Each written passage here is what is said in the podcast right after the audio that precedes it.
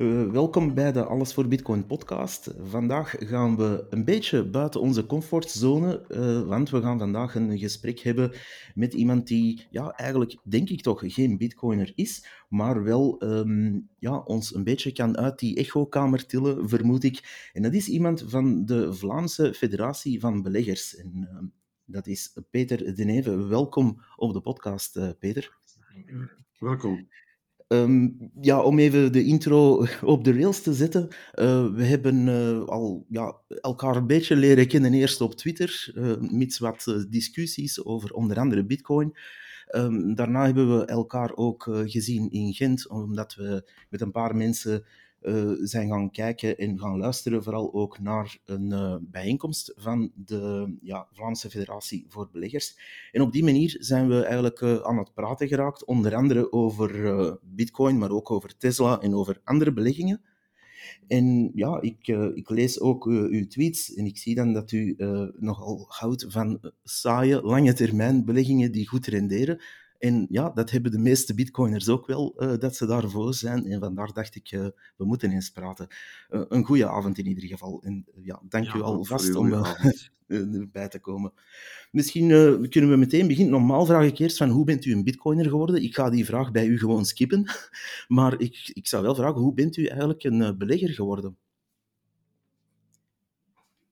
wel, dat is ondertussen reeds vorige eeuw is dat gebeurd. Zo lang is het reeds geleden, van 1995. Mhm. En eh, ik was toen eh 25 jaar. eh, dan gaan we aan het werk. De eerste spaarcenten waren daar. En dan via enkele boeken te lezen, onder andere het eh, boek Winnen met aandelen van Roland van der Elst.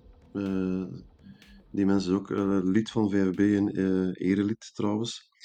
Eh, ben ik zo van het ene boek in het andere boek eh, gerold over beleggen, eh, fundamenteel beleggen.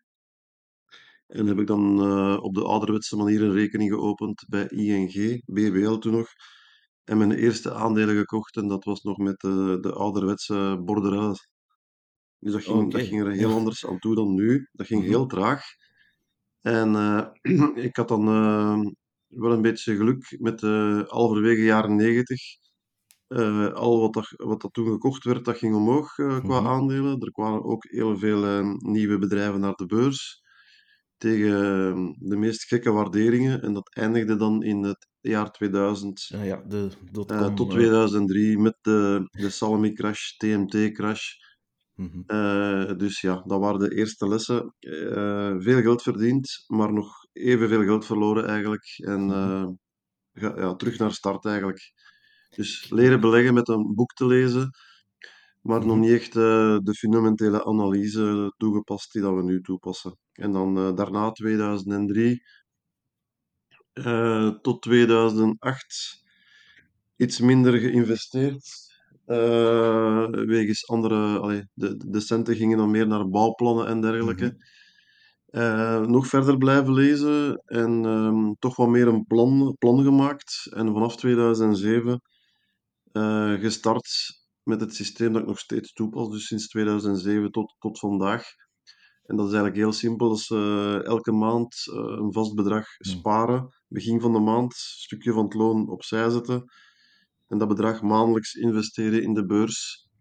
En periodiek beleggen, dus ook in, en eerst een selectie maken van een aantal aandelen. Mhm. Ja. Ehm, en op die manier eh, heb ik dan een, een portefeuille met vooral met enkel Belgische aandelen eh, samengesteld en uitgebreid. En ehm, tussentijds ook natuurlijk het systeem eh, aangepast. Dus ik ben nooit, Mhm. nooit in, het, in het, het systeem van 2007 gebleven, maar stilaan eh, nog verder te, te lezen. Ook het, de Vlaamse Federatie van Beleggers leren kennen, andere mensen leren kennen.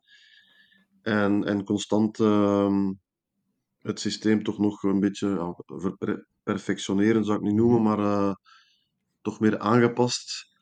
En, en ondertussen leren we nog elke dag bij eigenlijk. Dat is zo. Ehm, Dat is en zo. eh, proberen we, ja. proberen we ehm, allee, ik sta open altijd voor, eh, voor elke kritiek van elke belegger Mhm. ehm, die mijn pad kruist. Maar ik probeer dus veel saaie aandelen te kopen en die bij te houden voor de, voor de heel lange termijn en, en dat is zelfs voor de volgende generatie. Dat ik, eh, ik kijk naar de volgende generatie. Ja, dat, Dat is eigenlijk ook het, iets eh, het idee. Dat mij opviel in eh, wat jullie doen, maar ook in uw tweets en in uw uitleg, dat, dat steeds terugkwam. Ehm, dat is eigenlijk ja, op langere termijn, niet alleen gewoon op langere termijn denken, want dat is natuurlijk voor iedereen een beetje anders wat de lange termijn is, maar echt gewoon ja, multigenerationeel gaan denken van oké, ik koop nu iets dat tussen aanhalingstekens saai is, maar dat wel gestaag eh, zijn waarde gaat eh, ja, behouden op zijn minst, of toch renderen. En, en op die manier voorttoppert en die analyse maken. En dat, eh, dat is iets ehm, dat ja, eigenlijk veel bitcoiners ook hebben. Ik kom eh, uit, de, uit de telecomwereld. Ik heb trouwens die dotcom-bubbel waarvan u eh, sprak aan de lijve ondervonden. Meegemaakt. ja, Ja. door een, ja, een, een, grote firma in de telecomwereld die over kop ging. En die, ja, moet ik het zeggen, dat was toen inderdaad een, een, een boom van onder andere, ja, vooral technologiebedrijven natuurlijk, maar nog andere ook. En er, er, be- er bewoog wel wat en daar... je, kon er niet naast kijken dat het internet aan het opkomen was natuurlijk. En, en dat ehm, daar uw graantje van meepikken was misschien niet zo altijd heel simpel, want ja, er waren honderden bedrijven die van alles en nog wat deden. En op die manier, ik heb daar ook een aantal eh, lessen eh, moeten leren.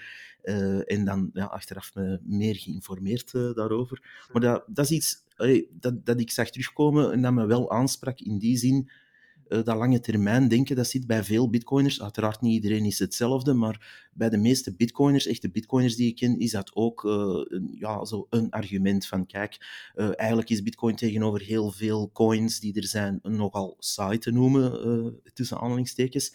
Maar ook, ja, ze houden dat bij op lange termijn. Ehm, nu niet om te zeggen dat er geen andere goede beleggingen zijn natuurlijk, maar eh, daar zijn zo wat parallellen. Eh, ik doe dat zelf ook als ik bijvoorbeeld iets eh, koop binnen de traditionele aandelenmarkt, zal ik maar zeggen. Ja, kies ik ook voor ja, de, de, de gezapige, saaie dingen. Een Disney zit daar zeker tussen, bijvoorbeeld, wat dan redelijk saai eh, materie is. Maar goed. Ehm, wat ik eigenlijk wou vragen is, in die, in die traditionele systemen eigenlijk dat u toepast om te beleggen, eh, eh, hebt u daar eventueel in, in het systeem dat u toepast eh, al gedacht aan van kijk, waarom niet of waarom wel voor bitcoin gaan in eender welk percentage? Want uiteraard, dat is voor iedereen anders. Als je een risico wilt nemen in een portfolio, eh, ga je daar zeg maar iets 1% in steken, een halve procent of 10% eh, of meer zelfs. Dat is voor iedereen natuurlijk anders. Maar hebt u daar al aan gedacht, eender welk percentage, het maakt eigenlijk niet uit.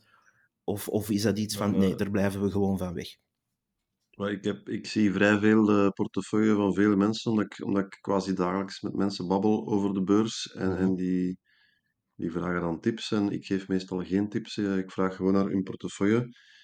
En aan de portefeuille kun je heel, veel, heel snel zien eh, hoe, dat de, hoe dat de persoon eh, zijn portefeuille opbouwt en hoe dat hij denkt. mhm, Ehm, wat ik, wat ik vaak zie, is eh, portefeuilles met heel veel aandelen, met een paar grote aandelen en met een, een ganse hoop hele kleine positietjes.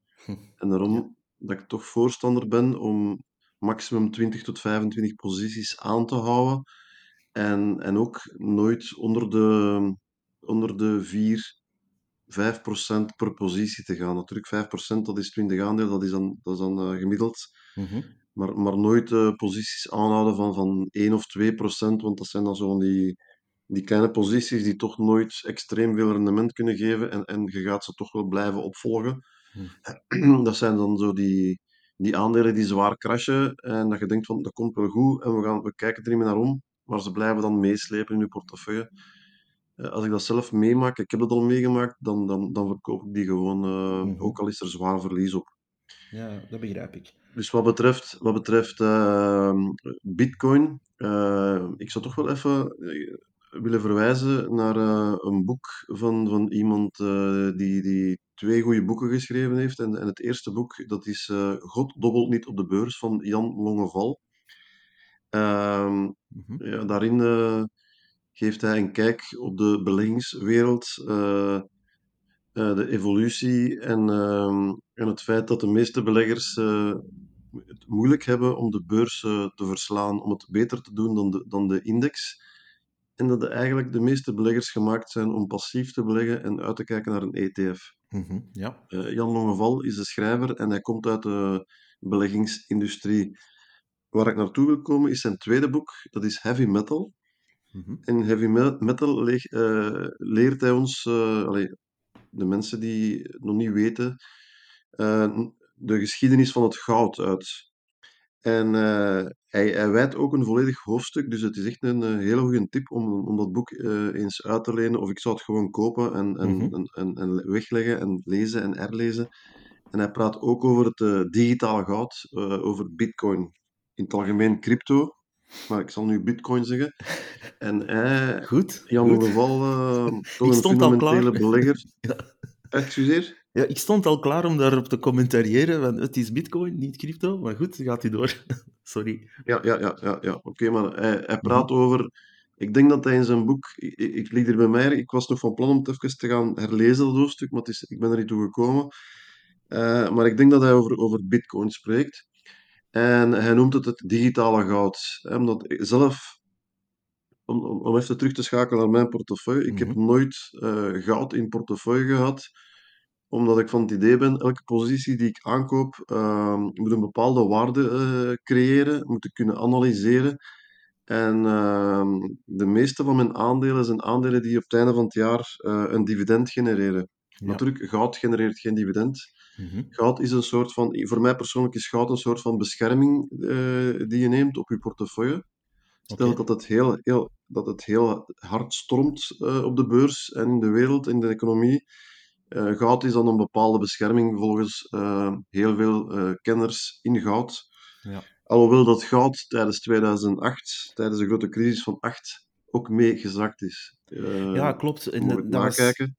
Ja, dat was niet spectaculair, die eh, hedge of dat, die Nee, beschermings... iedereen dacht, iedereen dacht oké, nu goud, in goud zitten we veilig, maar in 2008 is goud, was goud dus ook niet Mhm. echt super veilig. Het is niet zo extreem gecrashed, maar zwart.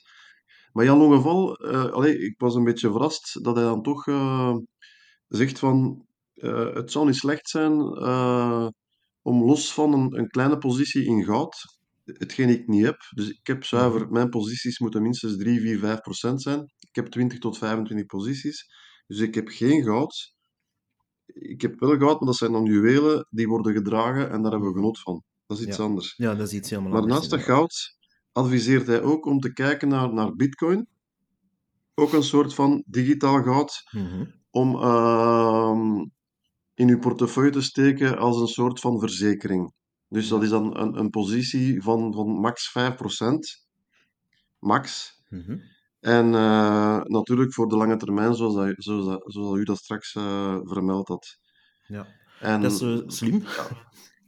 Ja, maar dus ja, Jan Longeval is dus iemand, ehm, ik kan je zeggen, dat, ik ken weinig mensen die meer boeken gelezen hebben dan Jan Longeval.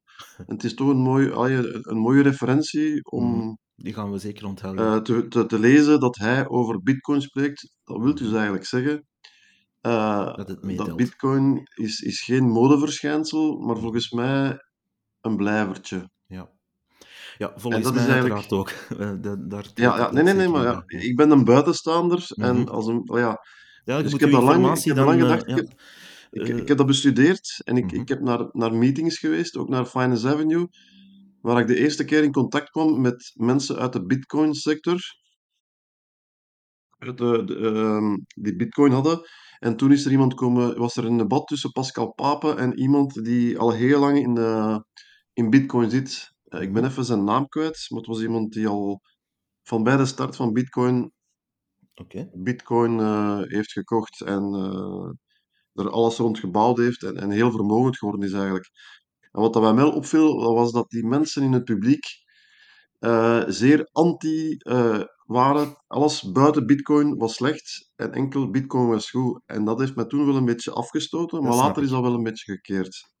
Dus de, er is meer nuance gekomen in het speelveld tussen de fundamentele beleggers, de, bit, de Ja. Bitcoin-beleggers, Die, de... die, eh, die eerste mensen, en dan, goh, ik zal spreken alles voor 2014, 13 ongeveer, de, de, de mensen die daar eh, heel vroeg zijn ingestapt. En ja, eh, dat, dat, het komt ook uit een wereld van ja, anti- of, of toch zeker vragen stellende bij het, de gevestigde waarden, zal ik dat dan maar noemen. Ja, die, inderdaad, ja, inderdaad. dat is Ja, dat is een soort van Ja, anti, anti-beweging en eh, ja. klopt. Maar dat komt daar ik, ook eh, eh, eh, vanuit een gevoel van, kijk, we hebben nu voor de eerste keer, zeker in het begin was dat zo, dat gevoel van, we hebben nu voor de eerste keer iets dat zonder tussenpersonen, zonder middelmen, zonder de staat, zonder een bank, zonder andere toestanden daartussen, rechtstreeks ons eh, de mogelijkheid geeft om waarden uit te wisselen, zonder dat we elkaar per se moeten vertrouwen. Die permissieloosheid, eh, die, en ja, dat is iets natuurlijk dat helemaal in het begin vooral ja, technische mensen aansprak. Eh, ja, eh, we moeten daar geen geheim van maken. In het begin was eh, Bitcoin niet voor Jan met de pet, misschien nog altijd niet, maar ja, dat waren vooral techies die daar mee bezig waren. Maar ook mensen die om allerlei ideologische redenen daar, daar helemaal zich achter hebben gezet en geïnformeerd. Dus ik snap wel, als je in die periode naar zo'n meetup ging of naar een conferentie daar rond, ja, ik kan een beetje een beeld vormen van wie daar dan eh, ongeveer zitten. ja, en dat was wel... eh, al ja, ik, ik stond er wel voor open, maar een de, beetje af ook, hè. Ja. ja, ja, die mensen... eh, dat is, de- dat is niet de gewoonte dat er zo'n een vijandigheid is op eh Mhm. beleggingsbijeenkomsten. Ja, Eh, maar ja, die, die, eh, die vijandigheid komt natuurlijk ergens van omdat ze, eh, eh, die, die, de permissieloosheid is iets superbelangrijk. En eigenlijk wanneer dat je eh, met de traditionele eh, ja, financiën in aanraking komt, die- zeker die early bitcoiners, die gaan daar een beetje een aversie van hebben, omdat die zeggen van kijk, mijn individuele vrijheid, of ik al dan niet waarde eh, ja, transfereer of niet, of binnenkrijg of niet, dat is van mij en daar heeft niemand iets eh, mee te maken. Ook geen bank, ook geen staat, ook niet iemand anders, ook geen bedrijf. En als er dan bedrijven komen of staten komen moeien met iets, ja, dan zijn die al direct op hun achterste poten aan het staan van oei, eh, ja, maar eh, blijf weg. Want... En dat was zeker in het begin zo. Ondertussen is onze, ja, de community, maar ook het gebruik van bitcoin op zich natuurlijk enorm gegroeid. En is dat allemaal een beetje ja, milder geworden op wat uh, uitspattingen na hier en daar. Maar er, ja, ik merk toch ook dat er toch iets meer geciviliseerd kan ge, gepraat worden. Um, en ja. dat er ja, uh, die vijandigheid, die pure vijandigheid, ja, die begint een beetje uh, te milderen. Nu, ja, we hebben dat allemaal nog altijd als er, ik zeg maar niet, domme wetten worden uh, voorgesteld. Dan, dan, ja, dan gaan wij ook op onze achterste poten staan. Maar dat is met, gewone belegger, met de gewone beleggerswereld niet anders. Als ze morgen zouden zeggen, ik fantaseer maar iets, alle ETF's gaan we 99% belasten, ja, dan gaat er ook reactie komen natuurlijk. Iedereen beschermt zijn Uit, Uiteraard, dan is het einde van de ETF. Ja. Wat, wat wij vanuit het uh, VFB en we hebben ook een, een, een, praatgroep op Facebook. Dat is een, een Facebookgroep mm -hmm. van beleggers. En, waar dat er heel veel gepraat wordt over alle soorten activa klassen. Mm -hmm. En er was, een, er was zelfs een periode dat, er, dat het bij ons verboden was om over bitcoin te praten. Mm -hmm. Omdat bitcoin niet gereglementeerd is, was. En wat, wat, kreeg je, wat kreeg je dan als gevolg? Een tegenreactie van mensen die het forum verlieten? Of uh, ja, expres uh, ja, er wel over begonnen te praten, een soort van provocatie. Ja, ja. En toen heb ik... Allee, en, en toen heb ik dan tegen de andere mensen van het bestuur, hè, want ik, ik ben niet de enige die die groep uh, bestuurt, en, en ik ben dan ook wel iemand die uh, graag alle meningen hoor en naar, naar iedereen luister. En heb ik dat toen toch proberen doordrukken bij, bij de rest van de beheerders om, om te zeggen van kijk, uh, dat is een soort van censuur. We moeten dat toch proberen te, te stoppen. Mm-hmm. En, en, wel te praten over bitcoin ja. en ethereum en, en whatever hè, in, de, Ja. in die richting, Tiva. En sindsdien uh, is dat, allee, zijn er weer mensen teruggekomen. En, en omdat wij een soort van ja, opvoeding willen geven aan, aan mensen die, die een beetje geld hebben, die een beetje spaarcenten hebben en die uh, plots met de vraag komen van ja, ik kan hier uh, een rekening openen uh, bij een, een zeker platform, FTX of zo, en dat wordt gepromoot door iemand. En, Niet doen. En wat denk je ervan? En Ja. dan, dan moet ik die vraag ook wel doorgeven aan andere mensen, maar dan kunnen wij die mensen een bepaalde opvoeding geven, advies Mhm. geven, dat ze op een veilige manier, want dat is belangrijk, op een veilige manier hun geld beleggen, uh, omzetten in activa, uh, wat, wat het ook is. Mm -hmm, ja. Um, en op die manier kunnen wij, kunnen wij helpen en mensen voorkomen dat ze in contact komen met uh, ja, mensen van minder ja. goede allooi, zoals Sam Friedman. Uh, Sam Bankman-Fried. Sam ja. Bankman-Fried. Hè? Ja. Sam Bankman-Fried. Ik, ik, ik, ik moet even zijn naam opzoeken. Uh, en, Ja, en er zijn wel wat Belgen natuurlijk- die daar hun geld aan kwijtgespeeld Klopt. zijn, denk Ja. ik. Nee, nee, maar Eh, dat, is waar. En, en, en, en, en dat is de, de opvoeding die wij... Allee, de opvoeding, dat, dat klinkt nogal zo eh, vreemd, maar de, de educatie, hè, Mhm. eh, de financiële opvoeding die we willen meegeven. En, en vandaar ook dat ik er ook al wel over gelezen heb. Om te zeggen, als je iets doet, doe, Sorry doe dat het veilig. Ja. En, en, en, en nooit, nooit uw, uw, uw bitcoin of crypto op een, op een platform achterlaten, maar altijd in een cold wallet. Hè? Dat Ja. is toch de juiste benaming, hè? Klopt, inderdaad. Eh, dat is iets waar Ja. ik eh, 100% achter kan staan. Eh, wanneer je, zeg maar iets, voor de eerste keer daarmee in aanraking komt, en dan noem ik zelfs geen enkele coin, maakt niet uit welke, crypto, om het dan eens even algemeen te zeggen, eh, laat dat niet waaien, laat dat niet eh, liggen op een exchange, laat dat daar niet op staan, want dat kan heel veilig overkomen in het begin, zeker als je nieuw bent. Maar eh, wij hebben zo'n gezegde, not your keys, not your coins. Als je zelf de sleutel niet hebt, eh, dus de, de mathematische sleutel niet hebt, zonder al te technisch te worden, om die coins zelf te bezitten, ja, dan zijn ze eigenlijk niet van u. En dan, dan kan je wel zeggen, ja, maar als ik hier inlog op een of andere website, eh, ik heb daar een login en een paswoord, dan staan mijn bitcoins bijvoorbeeld daar. Ja, dat klopt, tot ze er niet meer staan natuurlijk. En als Dus je zelf die keys... eh, als je zelf die keys in handen hebt, heb je dat probleem nooit. Ja, dus ik hoop dat uw coins, eh, uw, uw bitcoins eh, wel in een cold wallet zitten. Absoluut. Want hetgeen dat ik, het, is, het is wel, ik wil toch even zeggen, er zijn in, in België een, een aantal influencers eh, die zichzelf finfluencers noemen, die dan... Ja, ik heb daar, wacht, even volgens- onderbreken. Ik heb daar een andere naam voor. Influencers. ja, Je wil heel graag dat er inflow komt naar hen toe. Ja, ik begrijp het. Ja. Die, worden dan, die, die worden dan gesponsord door FTX Onder andere, ja. en, we, en een aantal klanten van hun eh, geraken hun centen kwijt bij FTX Mhm. en dan zeggen ze in de krant eh, ja, maar ik ben ook geld kwijtgespeeld aan FTX. Maar Als, Ja. je, als je echt influencer bent, influencers of whatever, eh, dan is het best dat je de mensen de, de juiste opvoeding geeft. Zelfs als Applaus, ik, ja. ik word er niet voor betaald, maar eh, gelukkig. Hè. Mhm. Maar als je er voor, u, u laat voor betalen, dan moet je de mensen wel eh, veilige en juiste informatie geven. Maar natuurlijk, als je zelf gesponsord wordt, Klopt. dan, dan, dan vervaagt dat. En dan gaat je niet altijd de correcte informatie geven aan, aan de mensen. Ja, of je wordt daar heb ik het dan wel beïnvloed. moeilijk mee. Je, je wordt Ja, beïnvloed. maar word je beïnvloed? dan, Ja, je weet over wie dat ik het heb. Eh, ja, maar er zijn zo'n paar namen. Maar wat mij daar het meeste aan stoort, ik wil daar heel even op inhaken, want ik ken die wereld nogal goed. Ehm, die influencers, dat zijn meestal mensen die zich jammer genoeg ook durven voordoen als bitcoiners. Die dan bijvoorbeeld een cursusboekje, of het maakt niet uit wat, hebben, met van voor mooi een bitcoin-logo erop, want dat springt natuurlijk in het oog, mensen kennen dat. Eh, iemand die er zelfs helemaal niks van kent, herkent zelfs het bitcoin-logo, dus dat, dat verkoopt. En zo lokken ze die mensen. Ze gaan dan ook een paar one-liners gebruiken. Hè? Not your keys, not your coins. Dat zeggen die ook. Dus dat, oh, dat is tof. En dan twee minuten later zijn ze bezig over een of andere token. Ik ga er nu, nu geen noemen, want dat is niet nodig. En dan merk je dat ze dus referral links gaan gebruiken. Dat zijn dus eigenlijk referentielinks om mensen te laten inschrijven op een van die vele platformen.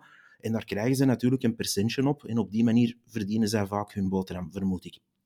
Maar ja, dat- Waarschijnlijk, ja. dat, ja. dat is geen onafhankelijke bron natuurlijk. Daarom, allee, ik, Nee, nee, nee. ik kan mijn eigen hier nu niet op een piedestalletje zetten. Maar die, die, de podcast dat ik doe is puur om informatie te geven, omdat mij eh, een paar mensen al een paar jaar zeggen van kijk, wij zijn enorm gefrustreerd omdat er bepaalde informatie over bitcoin specifiek niet tot bij de mensen komt, maar ook echt niet op een goede manier er komt, als het al is. Maar ja, dan moet je zelf wel proberen zo ja, juist mogelijk te zijn en, en dat met wat enthousiasme te brengen. Maar ook, ik sta erop om geen sponsors te hebben. Dus er is geen enkele wallet, provider, exchange of wat dan ook die mijn eh, podcast sponsort. Eh, ik weiger dat Ja. gewoon. Eh, er is ook geen, uh, laat ons zeggen, referral links of lidmaatschap of andere rommel, paywalls, noem maar op, en geen reclame. Want als ik dan bijvoorbeeld een uitleg aan het doen ben en er komt midden in de podcast een reclame voor maakt niet uit wat binnen de crypto-wereld, ja, dat hoeft ook niet. Dus dat probeer ik zo laagdrempelig mogelijk te houden en uiteraard gratis om net niet te kunnen beschuldigd worden van ja, maar kijk eens, je hebt hier zeg maar iets, FTX, die zijn nu toch failliet, dus ik kan ze vernoemen. Um, ja, je hebt, die, je hebt die keihard zitten sponsoren, je hebt, je hebt u laten sponsoren daardoor en je hebt die keihard, je hebt er reclame voor gemaakt, twee jaar aan een stuk bijvoorbeeld ja, dat gaat bij mij niet gebeuren, want ik heb geen sponsors. Dus ik kan daar geen fout in maken. Dat is, uh, dan blijft het zuiver natuurlijk. Hè? Ik ja, zou mij ook slecht voelen moest ik zoiets aanraden. Als ik morgen ga zeggen, oh, koop allemaal token XIZ123 en die gaan dat allemaal kopen en dat gaat neer 90%, ja, dat is niet zo plezant. Ik doe ja, mijn informatie over bitcoin en iedereen weet en mag weten dat dat volatiel is. Dat gaat soms omhoog 30% op een dag, dat gaat soms naar beneden op een paar weken 90%. Iedereen weet dat, denk ik. En als ze het niet weten, ja, dan vertel ik dat er wel bij. Maar dat, dat is ook geen geheim dat is ja, geweten. Dus als je vandaag bitcoin koopt en het staat, uh, ik gok nu maar eventjes, ik heb nu de prijs niet voor mij, 21.000 uh, euro bijvoorbeeld. Ja, dat kan zijn dat dat volgende week 16.000 staat of 6.000, maar evengoed 60.000. Ik weet dat niet. En ik kan de toekomst niet voorspellen, ik ga het ook niet proberen. Nee, dat is, uh, dat is zeer nobel. Maar dat, uh, allee, dat stoort mij geweldig aan dat soort... De, de influencers storen eh, in de Bitcoin-community wel meer mensen, omdat daar zitten een paar mensen bij die wel wat weten en, en, en dingen kunnen uh, brengen naar de mensen, maar die komen in de media uitvoerig aan bod. En ik, ik, ik, zou het graag vergelijken. Stel je voor dat je, uh, om een aandeel van, van uh, daar straks op Twitter te, te nemen, Lotus Bakeries. Ik ben trouwens ook pro Lotus Bakeries. Ik vind die koekjes lekker. Ik vind het een prachtig bedrijf. Daar niet van. Stel je voor dat je op een dag de televisie opzet en je krijgt een tegenstander van Lotus Bakeries uh, op je scherm. En de week erop opnieuw. En de week erop opnieuw. En dan komt er iemand die eigenlijk Lotus Bakeries niet kent, maar er toch van alles gaat over zeggen. En het klopt niet. Dan begint je na een tijd wel te frustreren en dan vraagt je je af, waarom komt er niemand uh, die er pro is, of die dat bedrijf echt kent, of, of van dat bedrijf zelf eens iets zeggen. En dan blijven ze mensen interviewen die daar van heinde en verre niks mee te maken hebben. En dat, dat stoort enorm. En dat is nu al tien jaar of zo bezig, dat we echt soms ja, binnen die Bitcoin-community uh, ja, heel gefrustreerd worden. En sommigen worden daar zelfs een beetje uh, ja, verbaal agressief van, omdat het soms echt hemeltergend is om mensen bezig te horen die eigenlijk ja, dat is een beetje van, we gaan iemand interviewen over de Formule 1 uh, eh, race en we nemen de keeper van de Antwerp en we gaan die vragen. Ja, uh, dat is... Allee, ja, die gaan misschien iets kunnen zeggen over Formule 1, maar ja, uh, ja niet veel, hè. Dat is, dat is, waarschijnlijk niet de specialist daarin. En, en dat, dat blijft dan maar duren. Nu, ja, dat gaat over heel veel onderwerpen zo. Maar bij Bitcoin is het uitzonderlijk om die, die kenniskloof op die manier te zien uh, ja, uitgediept worden. Ja, ja. Nee, maar er is heel veel frustratie bij mensen. En uh, je voelt dat er heel veel frustratie is de laatste tien jaar. omdat er een, een, een, een, groot pakket van mensen is die wel spaargeld hebben. En die geen rendement uh, kunnen halen, omdat ze uh, niet weten hoe dat ze rendement moeten mhm. halen. En vandaar dat we, de vrijwilligers bij de VFB en andere kanalen, mensen proberen ja, eh, op de juiste, het juiste pad te krijgen en de juiste informatie te geven. Maar ieder moet voor zich natuurlijk zijn eigen analyse maken. Dus als, je, als het goed gaat, uh, zet je de pluimen op uw hoed. Als het slecht gaat, moet je ook door, de, door pek en veren gaan zelf. Absoluut. Dus uh, ja, en, en, dat maakt het net, uh, die... dat maakt het net zo mooi die portfolio's, uh, ik heb over laatst op Twitter zo'n portfolio gezet van, ik, ik, had dan een aantal, ja, laat ons maar zeggen, bekende mensen, ja, een Paul Doro springt het uh, meest in het oog. Die ik heb het gelezen, ja, want, ja in het begin van het jaar gaan die eigenlijk elke keer traditioneel een paar uh, beurstips geven. onder andere Barco stond daarop en nog een aantal, aantal andere bedrijven. En dat is knap. Maar ik dacht van, ik ga er eigenlijk om een beetje een prikje te geven, om, om mensen te laten nadenken uh, erover. Gewoon zeggen van, ah, als je VBTC koopt, dat is eigenlijk een, een soort van, we gaan het nu verkort uitleggen, een ETF uh, eh, van, van EC, die alleen bitcoin houdt. Ja, die ken ik. Ja, Dat is toch een, een mooi alternatief. Dat is een mooie opstap voor iemand die zegt van, ik wil ehm, op een redelijk veilige manier ehm, geld eh, beleggen in, technisch in zijn, hè. bitcoin. Ja, De mensen die zeggen: "Kijk, ik heb zelfs geen computer" of "Ik wil er niks mee te maken hebben" of "Ik wil ook niet riskeren dat ik gehackt word" of weet ik veel. Eh, ja, die kunnen via de beurzen dan gaan. Ja, je hebt dan zelf geen bitcoin in handen uiteraard, maar ja, Van Eck is een eh, gerenommeerde firma, die, allee, die kunnen dat wel bijhouden, hè. Die hebben nee, veel nee, ik heb, ik heb die vergelijk, ik heb die vergelijking gezien. Maar natuurlijk, Ja, maar je legt dat eh, daar dan naast, maar dat is ook een risico aan mijn kant, want ik kan daar dik mee op mijn bek gaan, uiteraard. Als dat volgende week eh een derde van de prijs is van vandaag, ja, dan is dat ook zo. En dan blijft die portfolio ook mooi staan. En dan kan iedereen eh, daar ook eens mee lachen of over denken of wat dan ook. Maar dan heb ik tenminste ja, bereikt dat mensen dat naast elkaar hebben zien staan en nadenken over de eventuele eh, kosten, eh, de eventuele rendementen die ze zouden hebben gemist. Maar daarom ja, eh, uiteraard. geef ik geen tips van, oh, steek 100% van uw geld erin, want dat, dat, zo zijn wij niet. Dus dat, nee, nee, maar laat ik aan de, anderen over. er was ook nog een derde portefeuille die erbij stond, zeker. Hè? Dus eh, dat was eh, Paul Doro, Ja, die, eh, eh, Pascal van Pape ik. stond erbij en, eh, te- eh, en ter vergelijking ook eh, S&P 500, gewoon de, Ja. de index. En nog En welke een, aandelen stonden er van Pascal Pape? De, want eh, die had in ja. een, eh, ik denk zelfs in jullie magazine, had die eh Tessenderlo Groep en Disney aangeraden. Ah ja, een En dat aantal. Ja, ik ja, inderdaad. Of in de standaard of zo. ja. Ja, en dan, dan, Nee, nee, maar ik dus vind het wel mooi die vergelijking te maken. Maar natuurlijk, in, in Bitcoin zit er veel grotere volatiliteit. klopt, ja. En de aandelen die, die Paul Dore selecteert voor VTM Nieuws, dat is langs de ene kant positief, omdat dan Mhm. eh, de beurs, eh, over de beurs gepraat wordt op een, op een breed eh, spectrum, het VTM Nieuws. Ja. Iedereen praat erover en mensen zien van, ah, Paul Doren heeft zo'n rendement gehaald en vorig jaar was het iets minder. Mhm. En als je dan eh, al mijn tweets bekijkt, dan weet je ook dat we daar heel veel kritiek op hebben, omdat Ja. er, vorig jaar heeft hem zijn rendement opgepoetst met een obligatie die, we eigenlijk, die eigenlijk niemand kon kopen. En hij, hij, hij praat elk jaar over een obligatie en op het einde van het jaar vult hij de naam in van de obli- obligatie. Dus hij zegt, Mhm. dat is een beetje een hindsight. Eh, Achteraf komt hij Ja. af met een obligatie zonder op voorhand de naam te noemen. Dus dat is jaarlijkse kritiek Mhm. die we blijven geven op Paul Dore.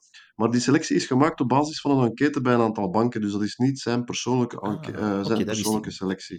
Ja, Dat wil ik erbij zeggen. oké.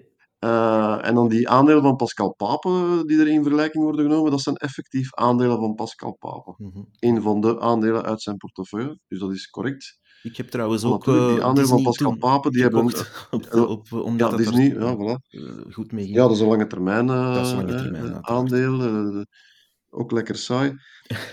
Maar ehm, die volatiliteit is, is veel groter bij de Van Eck, eh, Mhm. die, dat, die, die dat jij erbij geplaatst hebt. Dat Ja, moet de, natuurlijk wel dat bijgezet worden worden in... eh, ja, Ja, de- die schommelingen gaan wel grappig worden om, om te bekijken. Want eh, bijvoorbeeld nu ja, in januari, ik had dat dan op 2 januari erop gezet, voordat Bitcoin nu eh, recent in prijs omhoog ging. Dus ja, dat kwam ons heel goed uit natuurlijk om dat dan eh, te, te zetten. Ik, ik doe zo'n ja dingen soms ook om een prikje te geven. Dus ik ben daar niet te Ja, maar dat is... Maar ja, ja, wij, ik doe dat wij doen dat graag. Ook. ik Wij, zie dat bij jullie soms ook en ik vind dat wel oké. Dat is... ja, Maar wij provoceren graag op een beleefde manier. En, en vandaag ook. Ik heb vandaag ook weer eh, een prik uitgedeeld naar de mensen die... Naar, naar de mensen van eh, P van de A en uit de Socialistische Partij, een aantal mensen die dan ja, weer gaan zeggen dat eh, eh, niet zo KB, tof vinden. Ja, KB, eh, Sascha Dirks of zo, denk ik, eh, ik had over het dividend van Melks ges- ja, geschreven. En dan, eh, ik vond het een vreemde tweet, maar zwart.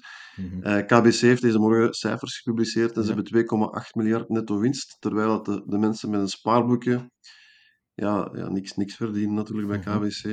En ik had een tweet gemaakt dat ehm, iedereen eh, aandelen van KBC kan kopen tussen 9 uur s morgens en 17 uur 35 s middags. Eh, en ja, misschien heb Mhm. je die ook zien passeren, Ja, die ik heb dat zien passeren. Ik KBC. vind dat, ik vind dat, ja. eh, ik vind krijg, dat mooi. krijg, Eh, krijg je veel reacties. En van zodra dat de P van de A wakker is, want 's morgens slapen die waarschijnlijk nog, maar als ze 's middags wakker worden, dan kunnen ze weer eens gaan berekenen hoeveel belastingen dat KBC niet betaalt. Dus dat Mhm. zijn dan meestal grove leugens. Ehm, omdat ze de belastingen van een holding van de KBC-groep erbij nemen en niet de volledige KBC-groep. Dus dat zijn En, maar natuurlijk, hun publiek slikt dat allemaal, maar wij proberen dat nu al te counteren door te zeggen van kijk, eh, dat, dat is dus niet waar. En Mhm. dat is een beetje provocatie, ik weet dat. Ik weet dat. Ja, Dus, eh, nu, eh, ik maar heb het we, we blijven regelmatig beleefd, hè. Dus, ik heb het regelmatig beleefd. met dat soort Maar, mensen ook aan de stok, ik begrijp het. nee, nee, maar ze, ik, ik, ik ben blij dat we kunnen communiceren en dat is leuk aan de sociale media. Vroeger dan communiceert je alleen maar met mensen uit je eigen echokamers en nu kun Ja. je, die, kunt je dat allemaal verbreden en kun je wat ruimer denken en kun je dan ja, die mensen ook aanzetten tot nadenken. En eh, Mhm. iedereen heeft de kans, maar ik ken veel mensen die gefrustreerd zijn door het feit dat ze dan zien dat er bepaalde bedrijven massa's geld verdienen, terwijl dat de werknemers ja, moeten ploeteren. Maar dan zeg ik ook van, ja, als die mensen een beetje, en dat is ook een van mijn belangrijke punten dat ik op terugkom, als die mensen leren spaarzaam omgaan met hun centen, Mhm. en die, die centen op een slimme manier eh, aan het werk zetten, eh, op de beurs, eh, in eenderd welke activa-klasse, en dat mag een klein percentage crypto of bitcoin zijn. Hè. Mhm. Ik, ik refereer nu terug naar Jan Longeval, hè, digitale Mhm. goud. Hè. Het mag ook zelfs een beetje goud zijn. Ik zelf heb dat niet. Hè. Bij mij is het heel, heel, heel duidelijk. Eh, dan kunnen ze ook mee genieten. En, en landen, landen waar het, de beurs floreert, zijn meestal rijke landen. En heb je de kloof tussen arm en rijk, is dan veel minder groot. En dat is, daar zijn al meerdere studies over geweest. En dat is gewoon effectief zo. En de bedoeling dat wij hier vanavond aan het praten zijn, is om eh, wij, wij als VFB, eh, wij gaan dit jaar, als er nog een, een, normaal gezien komt er een studentencongres, en vorig jaar in november was er een studentencongres op de Artovelde Hogeschool in Gent. Mhm. En toen is er eh, op drie aparte fora eh, gepraat over bitcoin, crypto in het algemeen. En ehm, als het aan mij ligt, en het congres gaat, onmiddellijk, gaat ook dit jaar terug door, dan gaan wij jullie uitnodigen om eh, Mhm. een apart forum te krijgen over Super. bitcoin. Dan krijgen jullie drie kwartier tijd met een zaal vol diversiteit aan beleggers. Maar heel veel jonge mensen, heel veel studenten, die langs alle kanten gek gemaakt worden om in crypto te investeren, maar dan soms op frauduleuze Ja. richtingen.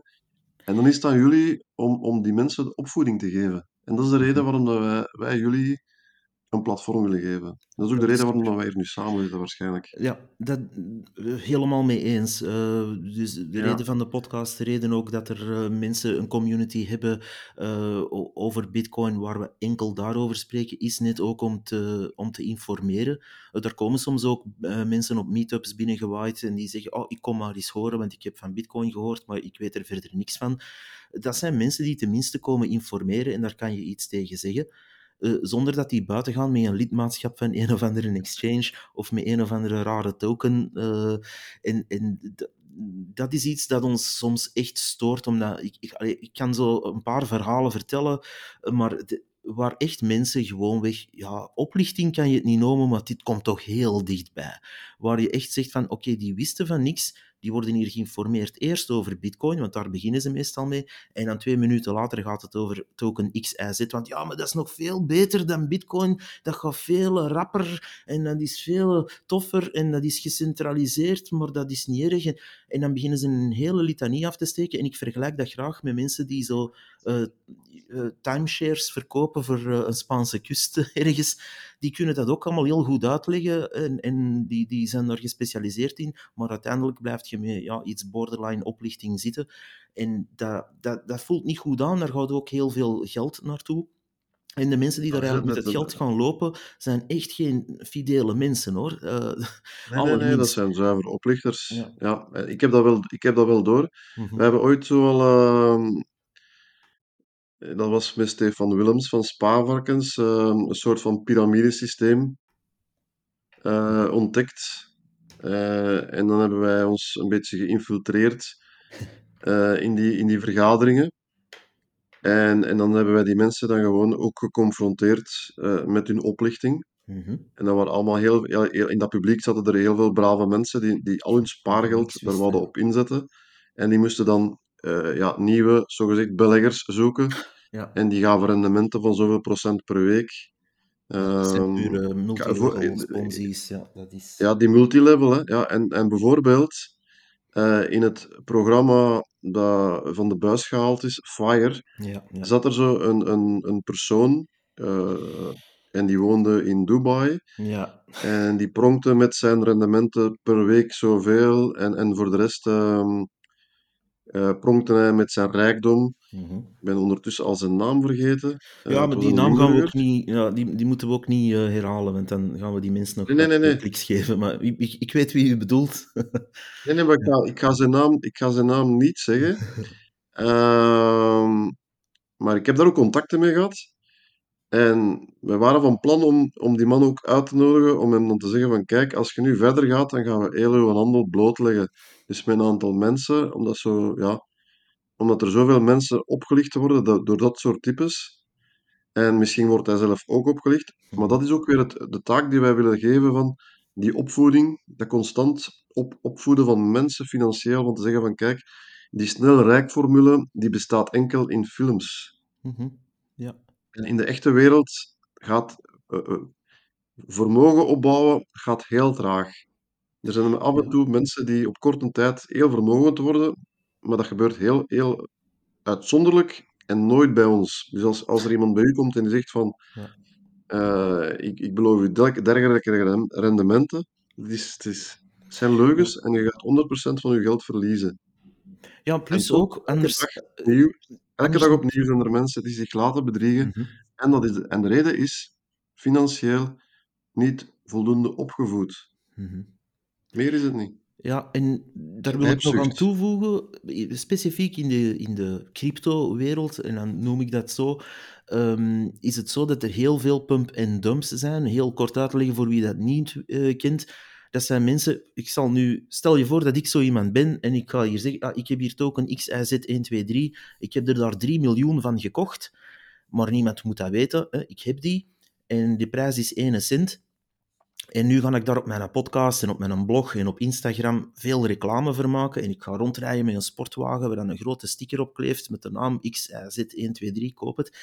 En eh, ja, mensen tuinen daarin en die gaan dat dan kopen tegen 1 cent. Dan wordt dat 2 cent, 5 cent, 10 cent. Nog meer reclame. Dat is een aanzuigeffect van wow, dit is het. eh, eh, superveel winst al op een week.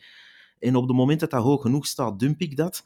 Die 2, 3 miljoen dat ik toch al had steken, my bags, zoals ze dan bij ons zeggen. En ik dump die op al mijn ja, slachtoffers eigenlijk, mijn luisteraars of die eender wie. En, en voilà. En ik verdien daaraan. En misschien nog een paar mensen die dat eh, door hadden, misschien ook nog. En al de rest is gezien. En dat zijn van die praktijken waar wij als bitcoiner echt van huiveren omdat wij, eh, ja, wij zien dat ook gebeuren. En die, die komen altijd af met, oh, we hebben iets veel beter hoor. Dat is zoals zeggen van, ja, ik, heb, ik heb een vliegtuigcompagnie, die doet krak hetzelfde dan Boeing. Wij bouwen ook een Boeing 747, maar die bestaat helemaal uit snoep. Dus dat is veel lekkerder. Hè. Daar kun je dan mee vliegen ook. Maar we zijn er nog aan bezig. Hè. Hij komt volgend jaar pas uit, maar je kunt nu al aandelen kopen. Dat soort Larry wordt dus in de cryptowereld verkocht. Hè, van, ja, maar dit is bitcoin, maar veel sneller en beter en, en, en decentralizeder. En dat soort onzin hoor je dan. En dan ga je naar dat project zien en dan hebben ze bijvoorbeeld admin keys, waar twee, drie man ergens in Indië gewoon de keys heeft om heel dat ding leeg te stelen. Wat dan ook gebeurt natuurlijk. Oh, wat een surprise. En die mensen tuinen daarin omdat er, zoals u zegt, geen educatie rond is. Die denken, oh ja, maar dat is veel beter, ik ga dat kopen. Dat is En echt dat on- heeft niks te maken met, met de opleiding. Want ik, vorige week had ik nog een gesprek met iemand. ehm, universitaire studies, extra opleiding. Mhm. eh, een job of een, een hoog intellectueel niveau. En, eh, en nu een, aantal, een, een beetje spaargeld. En in contact gekomen met een paar mensen die haar beleggingen zouden doen. Het Mhm. was een vrouw. En, en die hadden haar van alles beloofd. En, en ze was een groot stuk van haar geld kwijtgespeeld. Mhm. En dan zeg ik van, ja, je bent heel slim. Hè, en, en, eh, je, bent, je bent niet dom. En toch laat je je een beetje eh, ringeloren. En dat is omdat er een bepaalde, ja, die hebzucht die komt spelen. Ja, ja. En, en toch die financiële opvoeding op een bepaald niveau ontbreekt. Om te zeggen van, ja, als het te mooi om te waar te, is te mooi om waar te zijn, is het niet waar. Dat is, dat is een regel die Mhm. altijd geldt. Ja. En, en dat is dan jammer. En ik heb ze ondertussen, die persoon lid gemaakt van onze community. Mhm. Eh, en misschien binnenkort ook lid van de Vlaamse Federatie van Beleggers. En daar verschijnen af en toe artikels over dat soort oplichtingspraktijken, om de mensen constant wakker te maken en wakker te houden eigenlijk. Ja, En dat is ook, dat is ook echt eh, wel nodig. Er komen ook andere ja, manieren steeds om dat te doen, maar uiteindelijk komt het altijd op hetzelfde neer van ze, ze zien zichzelf als iets beter dan bitcoin en, en dan, daar komen allerlei dingen uit. Ik wil hier één ding echt melden en dat is bijvoorbeeld bij Ethereum, wat dan zo wat de nummer twee van in de cryptowereld wordt uh, uh, genoemd altijd. Uh, ja. Weinig mensen weten dat ergens in april 2021 is er daar de Berlin Upgrade van gekomen. En, ja, inderdaad, ja, ik, ik weet dat. Ja. En die, die mensen die dat eigenlijk programmeren, ik ga het nu heel simpel uitleggen, want de, die, die zeggen op een bepaald moment van kijk, een bepaalde calculatie die in die proof-of-stake uh, network gebeurt, gaan wij nu ineens maal 4 doen qua prijs om een probleem dat in de toekomst zou kunnen gebeuren te voorkomen.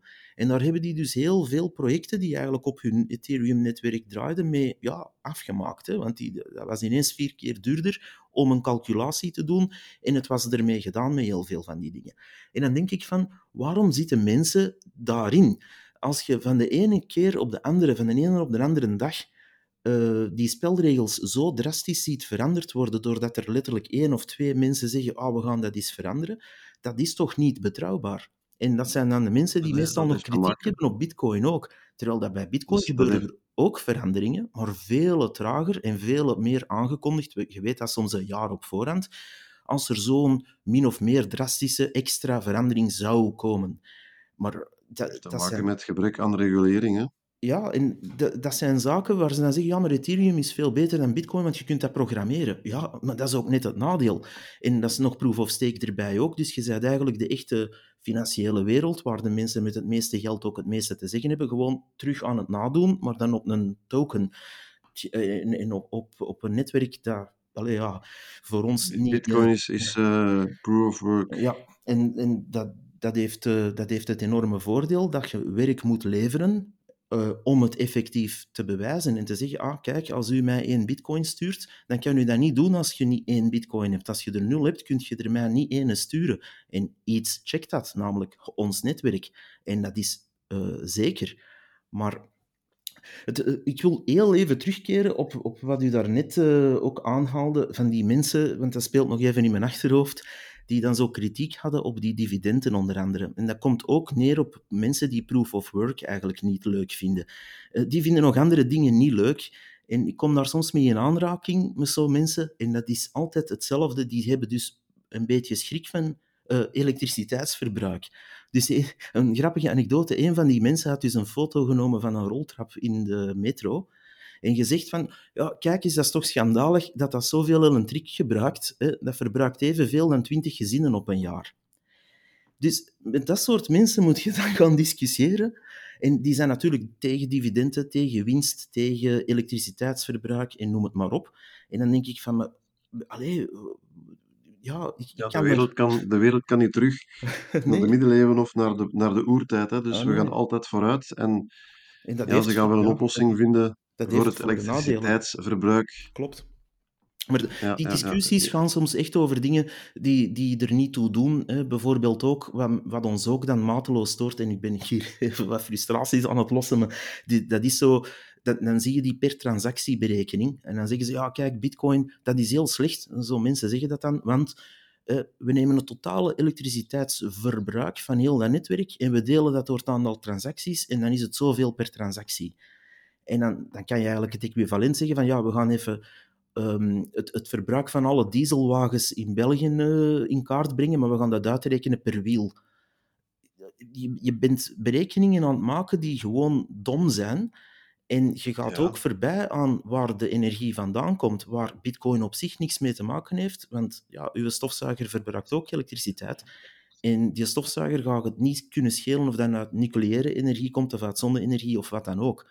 En nu, daar, daar kan je andere discussies over voeren, want ik heb ook graag dat het milieu eh, liefst zo goed mogelijk eh, is en dat het klimaat niet wordt aangetast en noem maar op. Maar die mensen, daar kan je niet meer mee discussiëren soms. En ik probeer dat, maar dat faalt bijna altijd. Eens dat die klik gemaakt is bij zo'n mensen, zitten die in het vaarwater van, ja, alle elektriciteit is evil. En ja, elektriciteit is als een wiel. Hè. Dat, dat is een, een instrument bijna. Hè. En, dat is niet goed Ja. of slecht, dat is er. Nee, en was het, eh, was het niet de, de consensus dat, er, dat het beter was om met proof of ehm, state te werken in plaats van proof of work, omdat er dan minder energieverbruik was? Zo, gezegd, maar zij gaan dus voorbij aan eh, het feit dat proof of work net nodig is om de boel te beveiligen en aan de andere kant heel veel zaken kan gaan uitschakelen die nog meer belastend zijn en nog erger zijn.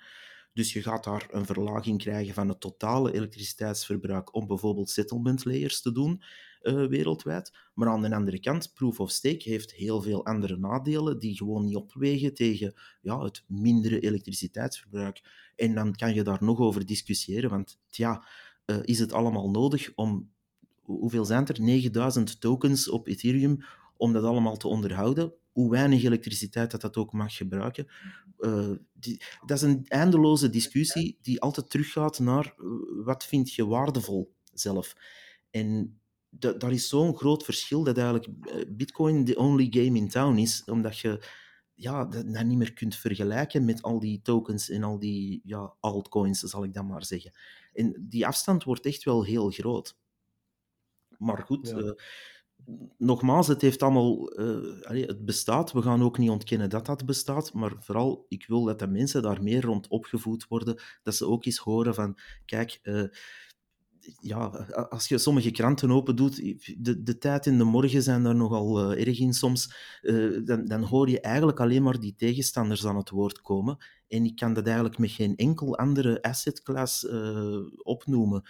Er komen tegenstanders van plastic aan het woord, maar ook voorstanders. Hè. Bijvoorbeeld de Ineos Project One in Antwerpen. Ja, daar zijn al voor- en tegenstanders van aan het woord gekomen. Ook niet altijd even gelijk, maar goed. Hè. Er is in ieder geval de beide, de beide kanten worden gehoord. Um, ja, dat is belangrijk, hè? Ja, en dat is ook belangrijk dat dat... Hè, de ene zegt, ja, maar kijk, uh, Ineos is zeer innovatief en, en lost milieuproblemen op en bla bla.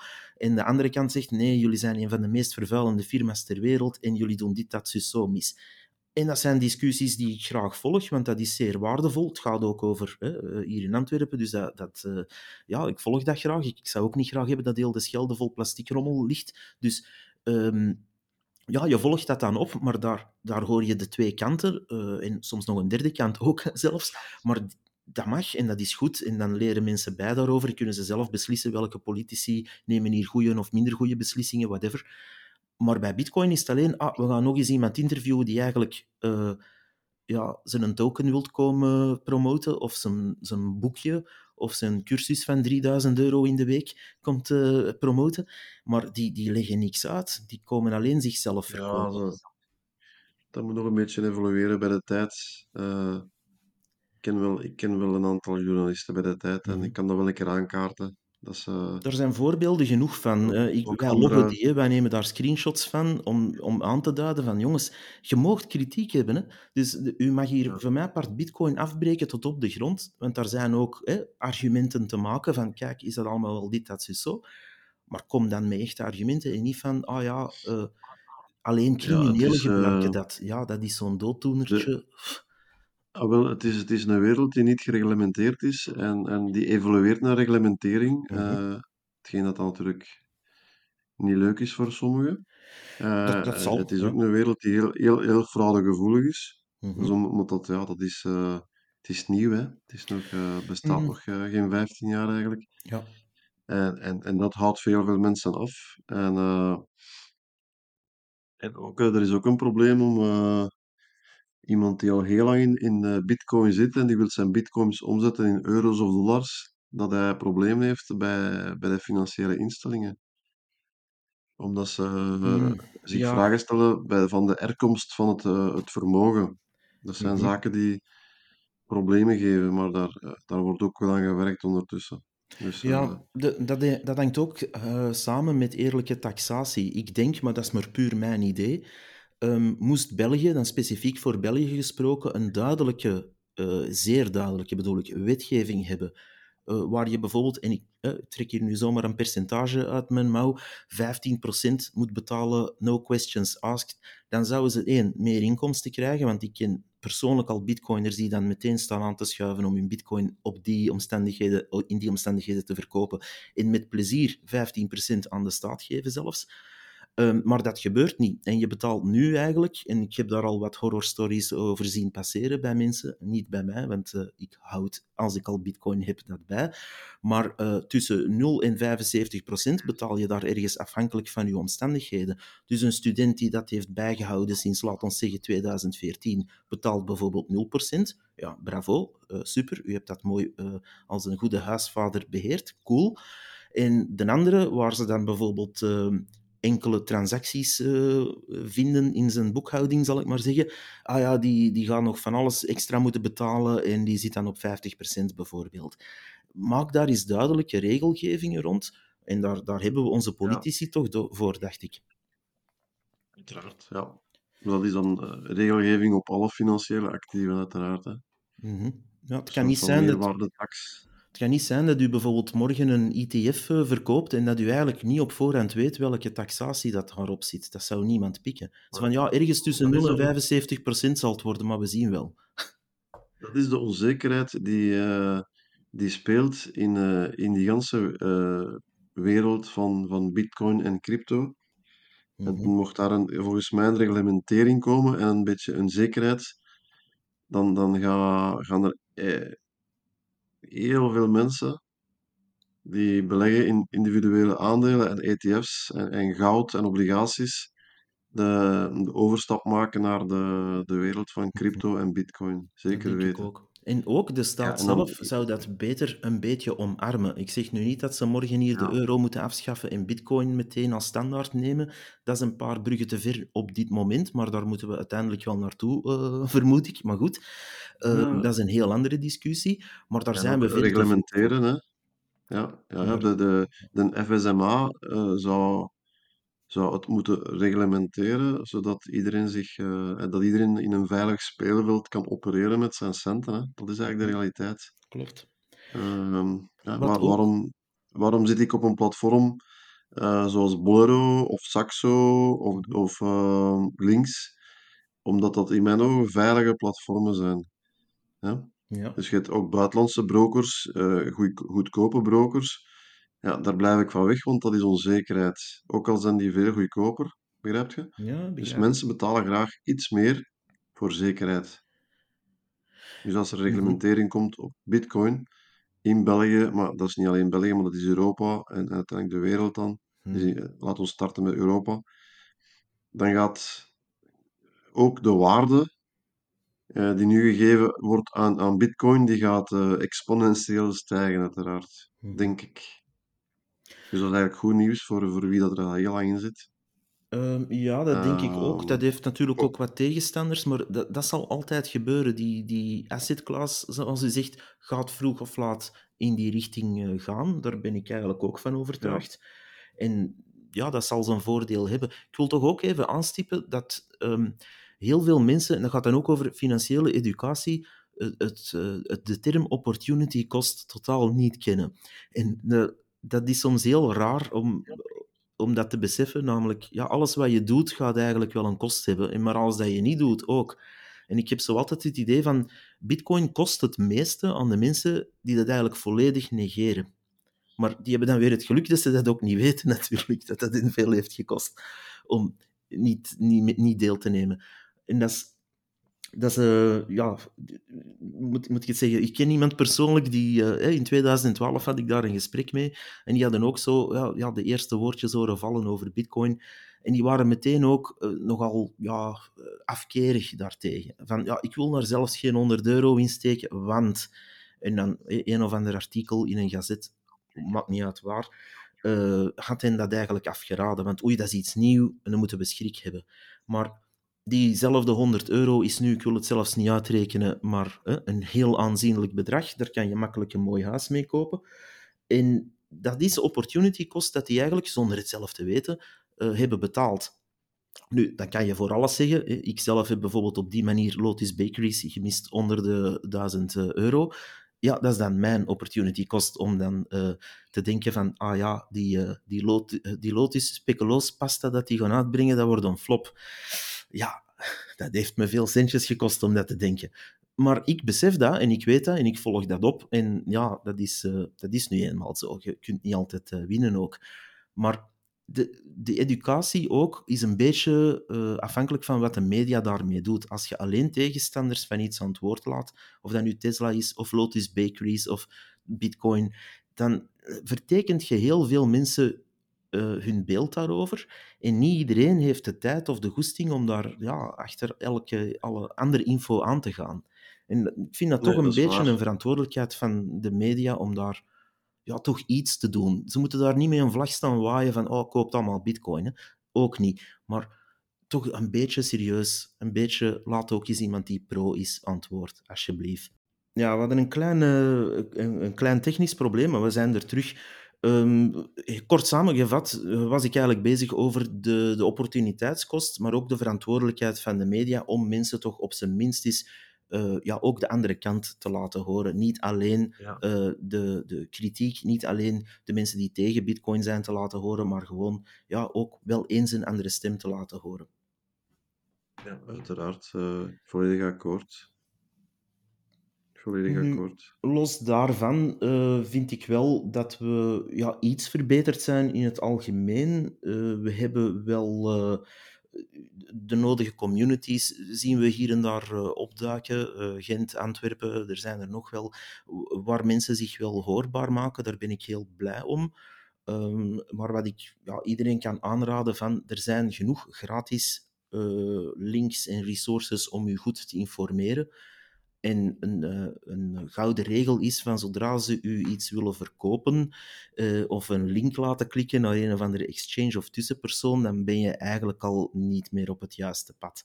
Um, wat weinige mensen ook weten, als je bijvoorbeeld technisch iets wil leren over Bitcoin, er zijn genoeg gratis resources, maar er is ook een testnetwerk. Dus je hoeft nooit Bitcoin te kopen om daarmee te proberen iets te doen. Uh, er zijn gratis testbitcoins op het testnetwerk waar je mee kan spelen als je dat technisch wat wil leren kennen, bijvoorbeeld. Dat kan allemaal gratis, dat is open source. Iedereen kan die code lezen, moest je daar zin in hebben. Maar iedereen kan zich echt gratis daarover informeren. En ja, de mensen die daar enorme bedragen voor vragen om je uit te leggen dat je uh, bij wijze van spreken een USB-stick in je computer moet steken, ja, dan ben je eigenlijk geld aan het weggooien. Geld dat je misschien beter ja, een deel dan toch gewoon in bitcoin had gestoken. Ja, want ik uh, even terugkomen op, op het algemene. Ik ben wel uh, heel benieuwd uh, naar de evolutie, verdere evolutie van bitcoin. Mm -hmm. het, is, het bestaat al van 2009. Ja, ja, in 2008 is de whitepaper eigenlijk geschreven, dus het idee ja. eigenlijk. En dan het, het netwerk is online gegaan in 2009. Dus ja, 14 dan jaar. ben ik echt, echt benieuwd mijn, mijn, mijn curiositeit is eigenlijk van ja, hoe gaat Bitcoin en crypto in het algemeen evolueren? Uh, wanneer gaat het min of meer gereglementeerd worden? Uh, hoe gaat de gemeenschap ermee omgaan? Mm -hmm. uh, en wanneer gaat de volatiliteit uh, minderen in de Bitcoin-koers? Want mijn vraag is ook altijd van hoeveel mensen zijn er met Bitcoin bezig, die, die vooral uh, bezig zijn met de volatiliteit, om, om te, vooral in ja. te spelen op de grote golfbewegingen die uh, Bitcoin maakt. Want stel mm -hmm. dat Bitcoin heel traag begint te bewegen, gaan, gaan er niet heel veel mensen afhaken. Dat is iets uh, dat ik ja. mezelf afvraag. Die, ik denk, maar ja, dat is een vermoeden, de, de echte swing traders en day traders, ja, die gaan op zo'n moment wel uh, ja, af moeten haken waarschijnlijk, want dan zijn er heel weinig winsten aan die grote schommelingen te halen. Aan de andere kant zal hen dan misschien ook wel leren om gewoon uh, ja, bij te houden en uh, bitcoin te gebruiken voor wat het dient. Um, dat, ja, dat is enerzijds uiteraard multigenerationeel iets kunnen bijhouden dat echt van u is. Want dat wil ik toch ook even benadrukken.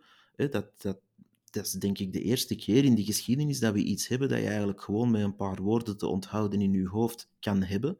Dat ook waarde heeft wereldwijd.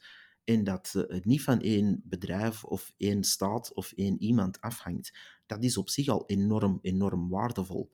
En dat, ehm, dat besef is er nog niet bij iedereen. Dan denk je van ja, maar dat is een van de vele munten en dat maakt niet uit. Ja, nee, dat is echt wel waardevol. Maar die schommeling, ik denk wel door als er meer adoptie is, en ook onder andere door het Lightning-netwerk, dat er als tweede laag op ligt voor de betalingen echt, denk ik wel dat die volatiliteit gaat dalen. Maar ik zie dat nog niet gebeuren voor, denk ik, 2026. Ja, Maar dat is maar een het- gok. het- het- ah, wel, ja, dat is juist. Het is een soort van eh, beleggingsproduct, de, de bitcoin. Maar in feite, de bitcoin is een coin en, en waarmee dat betalingen kunnen gedaan worden tussen, tu- tussen twee partijen. En dat loopt nog, dat loopt nog niet altijd zoals het zou moeten lopen. Dus is het eigenlijk nog meer, het wordt meer aangeschaft als een soort van eh, beleggingsproduct, Mhm. Ja, eh, die waar dan transactie tussen twee op. personen, dat, dat lukt wel aardig hoor. Dus eh, Dat lukt niet. al, ja, ja, Ja. ja. Maar, maar ik wil maar zeggen, het aantal transacties per seconde die gebeuren met Visa of Mastercard eh, zijn, zijn zoveel malen hoger dan dat het bij Bitcoin kan gebeuren. Ehm, nee, eh, op de layer 1 heb je zeker gelijk, want daar zit dat rond, eh, ja, laat ons nu maar gokken, een, eh, ik dacht een 20, 24 per seconde op de base layer, op de settlement layer. Maar op die tweede laag, op Lightning-netwerk, hebben we onder andere ehm, ja, de snelheden van Visa al overtroffen. En de, de aantal Ah, transacties die kunnen gebeuren. Dus daar zitten we al vele malen hoger. Dan heb ik weer iets bijgeleerd vandaag. Van, Nou, dat is het Lightning-netwerk. Dat is ook iets waar onze kranten heel graag over zwijgen. Dus het Lightning-netwerk is eigenlijk een tweede laag bovenop eh, wat iedereen Bitcoin noemt.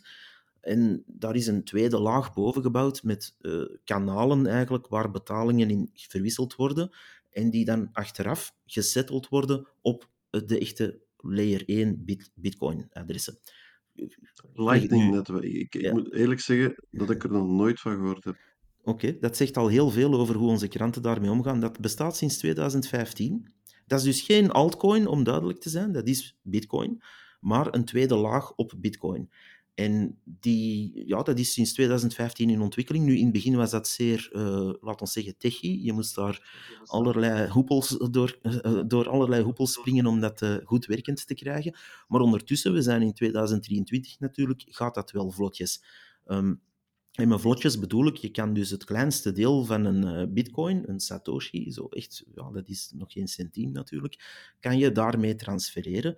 Iets dat je nooit ja. zou doen op het basislaag uh, netwerk van bitcoin, omdat dat dan te duur is in, tra in transactiekosten om dat uh, over te zetten in vergelijking met, eh, als je 1 cent wilt overmaken, ga je geen 3 cent betalen natuurlijk. Maar op het uh, Lightning-netwerk kan dat perfect. Dan kan ik u uh, een duizendste van een eurocent sturen en dat gaat er eigenlijk gratis door.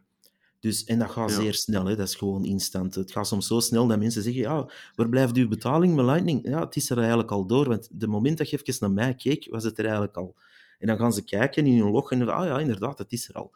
Dus dat gaat zeer snel, maar dat is iets waar ze hier om een of andere reden, ik kan er wel een paar bedenken, uh, graag over zwijgen, dat dat überhaupt bestaat.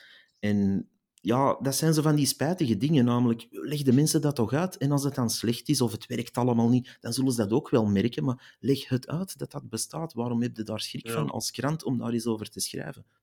Ja, of, of een krant of een, uh, of een, of een platform zoals uh, VFB, mm -hmm. of uh, de, de, de, platformen die wij als VFB ondersteunen. Dus dat, mm -hmm. dat, heb ik daar straks reeds vermeld. Hè. Dus dat jullie in de loop van dit kunnen jaar... we zoiets demonstreren of laten zien in ieder geval. Want dat, die kennis is er niet. Um, ja. En vele mensen zitten nog altijd met dat denkbeeld, dat is ooit eens verspreid uh, door weet ik veel wie, jaren geleden, van oh, bitcoin is veel te traag, dat doet maar zoveel transacties per seconde in heel het netwerk. En als je dat dan gaat uitrekenen, dan is dat inderdaad niet spectaculair hoog, zeker in vergelijking met Visa.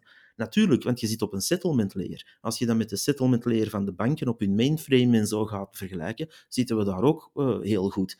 Maar dat moet je dan allemaal gaan uitleggen. Soms wordt dat ook wat technisch en dan haken heel veel mensen af van ja, ik wil het niet weten, het is te ingewikkeld. Alle respect daarvoor, maar je mag wel weten dat dat bestaat. Ik moet ook niet gaan uitleggen aan iemand hoe dan een Tesla helemaal van binnen werkt, in alle technische details. Nee, nee, nee. Dat, dat hoeft niet. Je kunt wel snappen dat dat een elektrische auto is. Maar het publiek, het, het publiek bij ons bij VFB, uh, zo, die, die uitleg over die settlement, dat, mm -hmm. dat, dat, horen ze wel graag. Dus uh, dat publiek zien. eh, durft wel dieper gaan dan, dan Mhm. algemeen. Maar eh, nee, ik heb er iets, eh, moet eerlijk zeggen, eh, bijgeleerd. Ik ga Dat meenemen. Dat is tof. Ehm, wij, wij doen dat eh, heel graag, eh, mensen iets eh, bijleren en jullie ook. En ik denk dat we daar elkaar wel in kunnen vinden. Ehm, Ja, we, kunnen en- elkaar, we, ja. ku- we geven elkaar de hand en we kunnen elkaar zaken bijleren over, over ja, alles en nog. Hè. Alles en nog wat op de, in de financiële wereld. Mhm. Dus dat is onze bedoeling. Hè. En nooit, nooit zeggen dat we alles weten of, hè, of de Nee, heilige graal in onze achterzakken besteken. Dus bestaat niet. Hè. Dus, Nee. eh, Ehm, het was, het was ook heel interessant over die opportuniteitskost. Maar ja, je kunt moeilijk eh, jaren blijven eh, treuren om het feit dat, dat, je, dat je een bepaalde beslissing hebt genomen tien jaar geleden, bij wijze van spreken. Hè. Nee, dat, dat klopt. Ik, ik treur daar zeker niet over. Ik registreer Nee, nee, dat nee, maar... Ja, je moet dat registreren. En, en ik ken mensen die tegen mij praten leren. over hun successen. Mhm. Hè? En dat is belangrijk. Dus, dus heel veel mensen praten alleen maar over hun successen. Ja, Eh, en dan durf ik een beetje eh, prikkelen en te zeggen van praat nu een keer over, over eh, waar zijn de de verloren? momenten dat je gefaald bent Ja, in je eh, beleggingsparcours. Welke posities heb je zware verliezen gemaakt? Dat is ook in de, in de Bitcoin-wereld natuurlijk zo. Dat is in elke, elke wereld waar het er geld om gaat, wordt er gewonnen en verloren. En mij interesseert het vooral van, van waarom heb je die positie ingenomen en waarom zit er eruit gestapt? En Mhm. waarom heb je zoveel verlies genomen? En daar leert je uit. Met een opsomming te maken van je winnaars. Ehm, te zeggen van ik heb lotus gekocht aan 500 euro en nu staan ze 5000 euro, dat is maal 10. Hè, olé olé. Dat, is, dat is goed, maar het is, het is nog leuker te praten over het feit van ik heb lotus gekocht aan 100 euro, ik heb ze verkocht aan 500 euro en ik heb nooit meer teruggekocht.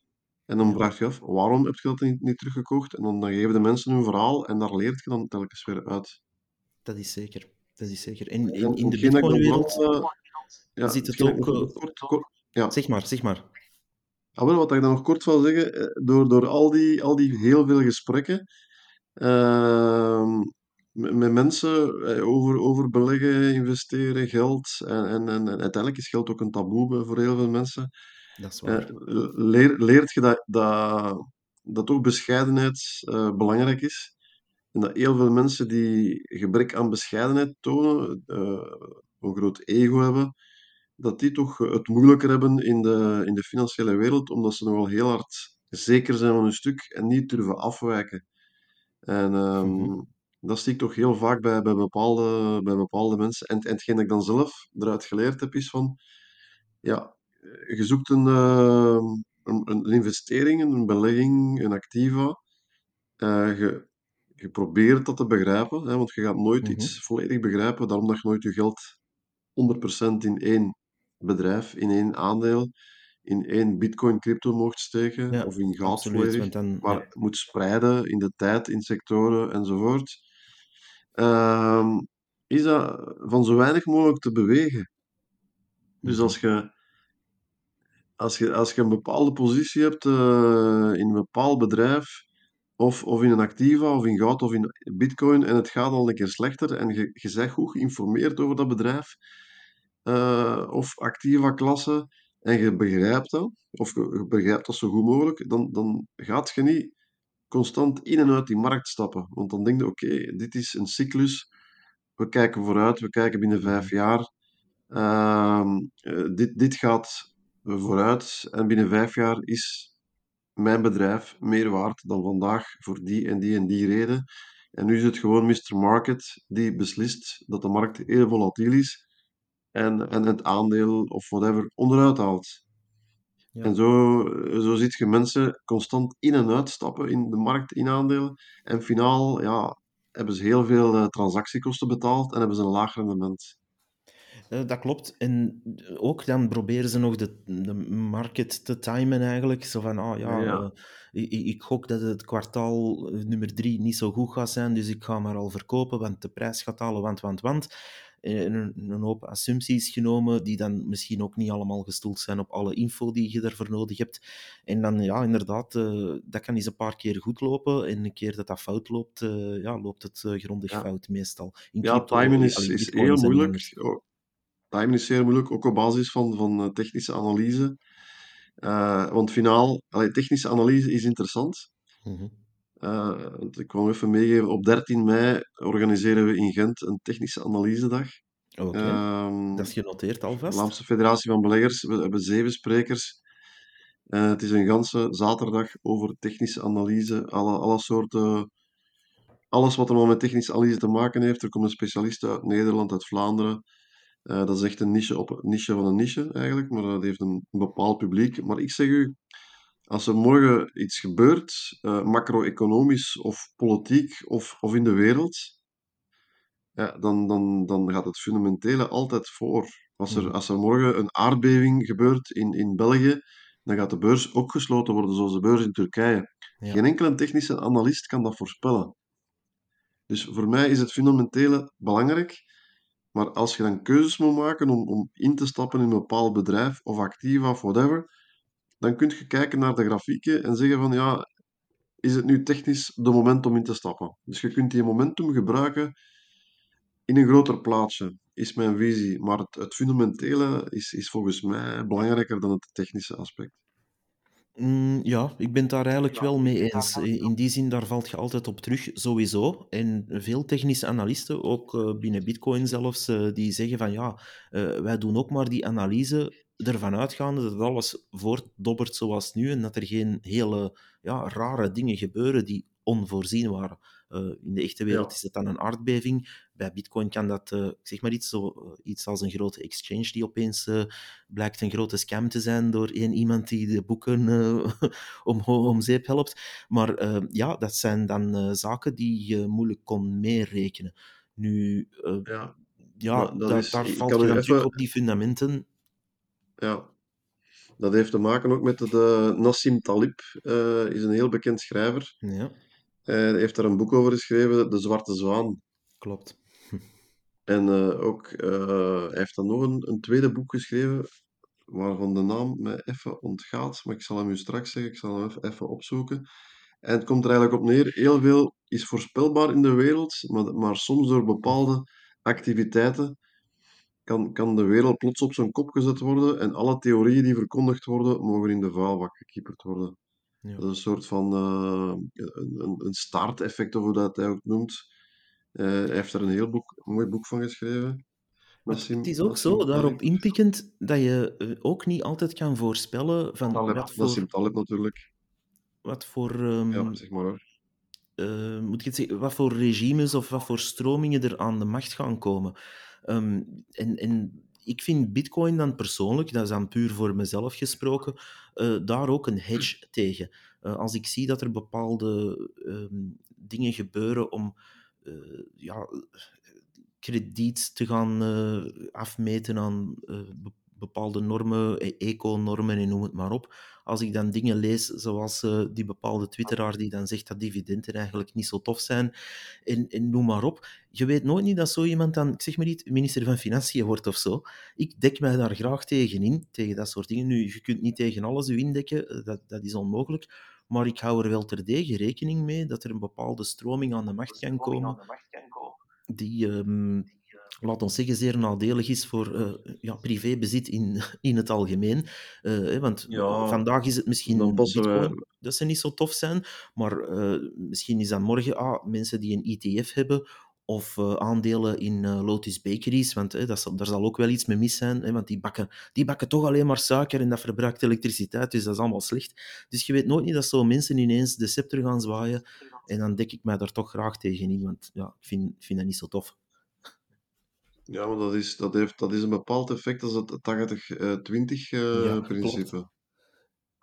En, Mhm. ik, daar iets van zeg, dus Nassim Taleb heeft een aantal interessante boeken, De Zwarte Zwaan, Antifragile, Skin in the Game Ja. en Misleid door Toeval, dat zijn nu de Nederlandstalige namen. Maar het komt er eigenlijk telkens op, op, op aan van, alles kan zo Mhm. voorbereid zijn, alles kan zo voorzienig zijn in de wereld, Er moet maar één onvoorziene omstandigheid gebeuren en al de rest is, is, is van geen tel meer. Dus daar moeten de mensen eigenlijk op voorzien zijn. En eigenlijk kun je zeggen van als, als je alles in één activa-klasse steekt en je zegt van dit kan niet fout gaan, dat is het perfecte bedrijf. Je steekt alles in Coca-Cola. Eh, Coca-Cola heeft het al, al 50 jaar bewezen. Zelfs Buffett steekt niet al zijn geld in Coca-Cola of, of steekt al uw geld in Apple of in Lotus of whatever. Ja, Nooit doen, want het kan altijd fout gaan en dan zit je met heel veel stress. En dat geeft, eh, vandaar dat, dat, dat we altijd gaan voor spreiding. Eh, dus van dat 80-20 principe.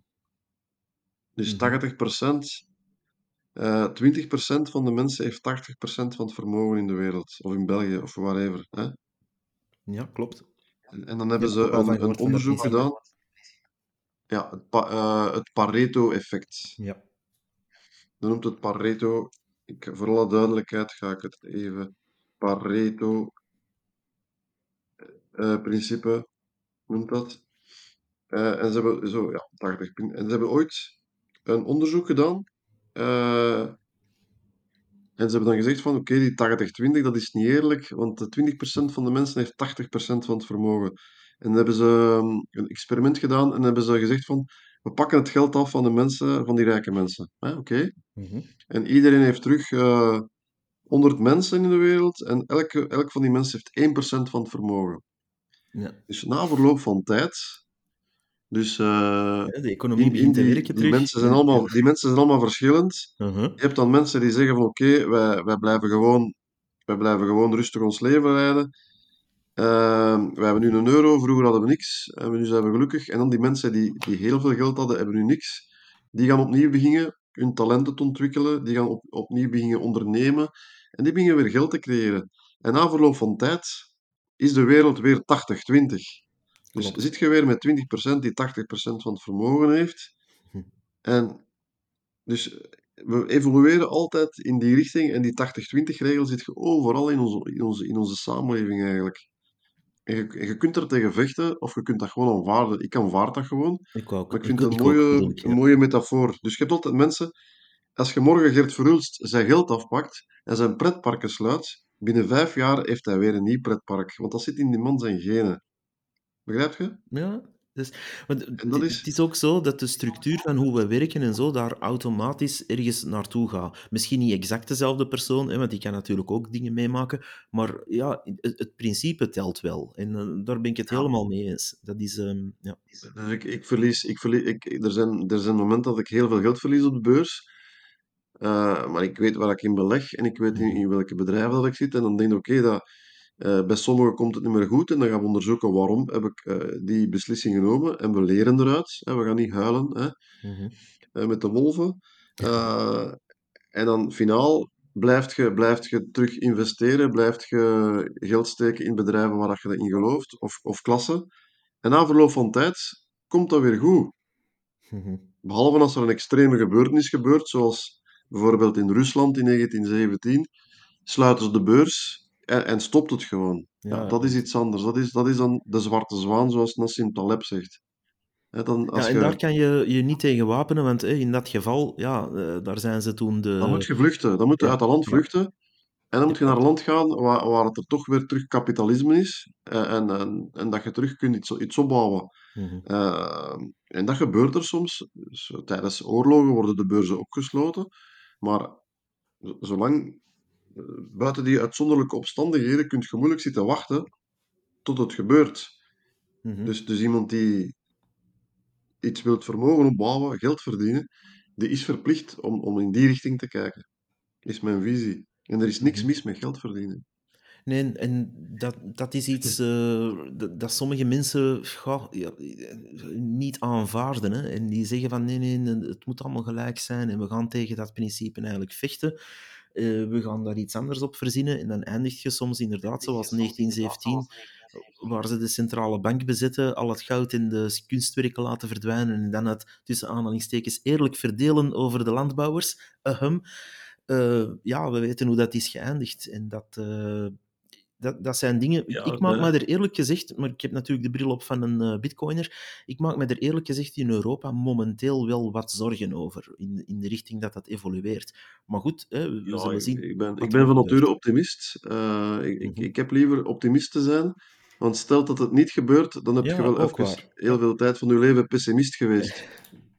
Dat is ook waar. Maar ik maak me er toch zorgen over. Maar ik ben niet pessimistisch in die zin dat ik, eh, ik zit hier niet in een bunker met, eh, met eh, voor tien jaar eten en klaar voor alles dat er kan gebeuren. Maar ik, ik, ik maak me wel zorgen over. Ik zal een, een heel klaar voorbeeld daarvan geven. Als ik zie dat er bepaalde Europarlementsleden vanuit België worden gestuurd, die dan deel uitmaken van die MICA-ruling-groep. En die staan daar te pronken op de foto. Ik ga geen namen noemen, eh, de mensen weten eh, denk ik over wie het gaat. Die staan daar dan mooi te pronken op de foto met ja, Duitse communisten die duidelijk heel de fintech-industrie eh, kapot willen maken. In interviews zeggen ze dat ook uh, duidelijk en klaar. Dan denk ik van, is dit nu, allez, is dit nu waar we hebben voor uh, gestemd? Blijkbaar wel, ik weet het niet. Um, ik, ik, allez, sindsdien dat heeft ben te ik... maken met opvoeding, met, met, met te, gebrek aan kennis. Mm -hmm. En omdat mensen in, in bepaalde echokamers worden geduwd en, en geen andere informatie krijgen. Hè? Ja, dus dat je... gaat ook over informatie, klopt. Dat ja, gaat ook dus dat heeft te maken met uh, ja, en, en, censuur. Het is daarom dat ik, ik ben tegen censuur. Ik, uh, mm -hmm. ik praat met links, ik praat met rechts. Uh, ik praat zelfs met extremen. Mm -hmm. en, en dan, ik, ik wil dat even in het hoofd kijken van sommige mensen met extreme gedachten, om, om te begrijpen waarom dat zij zo denken. Ja. Dat, heeft, dat heeft altijd te maken met een, een voorgeschiedenis natuurlijk. Hè? Ja, dat is, alles, heeft, alles heeft een reden. En daar leer je ook soms veel uit. Ik doe, ik doe dat ook. Daar leer je uit, omdat, ik, ik zeg maar iets, ik heb, uh, ik heb ook al gesproken met uh, mensen uit uh, bepaalde partijen. En die dan ja, ook vinden van, oh ja, maar hè, die grote bedrijven moet je gaan dit, dat, zo doen. En die, die heel anti-beurs ook zijn en die ja, uit PvdA-hoek komen en zo. Maar je moet daar ook eens mee praten, want ook zij hebben soms heel scherpe en goede analyses over dingen. Hun oplossingen, dat is iets heel anders. Maar evengoed bij Groenen zitten er ook mensen die wel degelijk nog voor het milieu iets willen doen. Het zijn er steeds minder, jammer genoeg, vind ik. Maar goed, uh, dat, is, dat is hun manier om daarmee om te gaan. Maar ik praat ook met iedereen, omdat ja, bitcoin is apolitiek en ik probeer... Ik heb natuurlijk mijn eigen ideeën over bepaalde dingen, zoals iedereen, maar ik probeer geen uh, ja, kaart te trekken, omdat dat ook geen zin heeft niet meer in deze wereld, vind ik. Omdat dat... Het is allemaal toch consensus en er heeft niemand uh, alle waarheid in petto. Uh, dus we gaan daar toch slingerbewegingen zien naar alle richtingen toe. Maar momenteel is die slinger wat aan het overhellen naar uh, ja, mensen die, die schrik hebben van roltrappen, bij wijze van spreken. En, uh, ja, dat ja, is uiteraard. Ja, de, mensen, inderdaad, de, men, de mensen besnappen, snappen soms niet in welk lekker land dat wij leven in België. Mm -hmm. en, en, en ja, dat is jammer, maar helaas. Voorlopig kunnen we nog wat info uh, verspreiden. Uh, en, en, daarom ben ik eigenlijk ik ben een beetje het uh, woede nu niet, maar toch een beetje het frustratie met die podcast begonnen vorig jaar. Omdat ik echt zag van, er komt geen informatie bij de mensen terecht. En ik wil eens die stem laten horen van gewone ja, bitcoiners, beleggers en noem maar op, die uh, gelijkaardig denken. En zoals u zelf vandaag tweette, in, op een saaie, luie, rendabele manier willen beleggen, op lange termijn vooral. En dat, ja, dat is tof, daar is niks mis mee. Ja, maar ik, ik probeer daarmee dan een beetje af en bij bepaalde mensen te provoceren, hè, omdat er toch wel mensen... En er zijn mensen die mij dan ook uitdagen en ook uit troon, ook, zoals dat zeggen op Twitter, die eh, anoniem reageren. En ik reageer dan even kort op, op, op die anonieme stem om te zeggen van kijk, uh, uh, kom, kom dan achter uw scherm en uh, toon wie dat, wie dat bent en herhaal dan uw woorden. Ja. En, en dan, dan zijn de mensen meestal weg natuurlijk. Maar dat is nee, het is, het is een beetje de, de mensen hun ogen open gaan, maar zoals ik dat straks al meerdere keren gezegd heb, uh, het is belangrijk dat we iedereen een stem geven uh, en dat we aan de mensen een bepaalde opvoeding geven en alle kanten, alle segmenten van de beleggingsleer naar boven laten komen. Dus ook over het segment uh, goud, grondstoffen, munten, cryptomunten, bitcoin. Mhm. Ja, dat... eh, En dat is eigenlijk onze, eh, gro onze grote bedoeling. Dat was het begin van ons gesprek uh, ooit. van Mhm. kijk, en, en in het begin is een beetje moeilijk gegaan, hè, want omdat ik, ik durf een beetje hè, Ja. te prikken en eh, te provoceren op een beleefde manier. En, en, en, dat was dan wederzijds. En dan hebben we elkaar wel eh, op een Mhm. beleefde manier gevonden, hè, herinnert je nog? Klopt. En dat, Eh, dus we hebben dat, gebeld en dan eh, hebben we gezegd van eh, kom eens langs, we gaan eens praten ja. tussen mensen. En dan, dan, en dan is, is de bedoeling dat... En ik heb wel, ik heb wel die, die, die macht al bij de VFB om te zeggen van we gaan de mensen van Alles voor Bitcoin drie kwartier een podium geven en, en de mensen in het publiek mogen vragen stellen en ze mogen bijleren, zoals ik daarnet vandaag ook al bijgeleerd heb. Hè. Ik had ook een bepaald eh, vooroordeel over de snelheid van transacties. Hè. En dat is Ja, dat, belangrijk. Ik dat, ga, ik ga ook meegeven aan de journalisten van de tijd.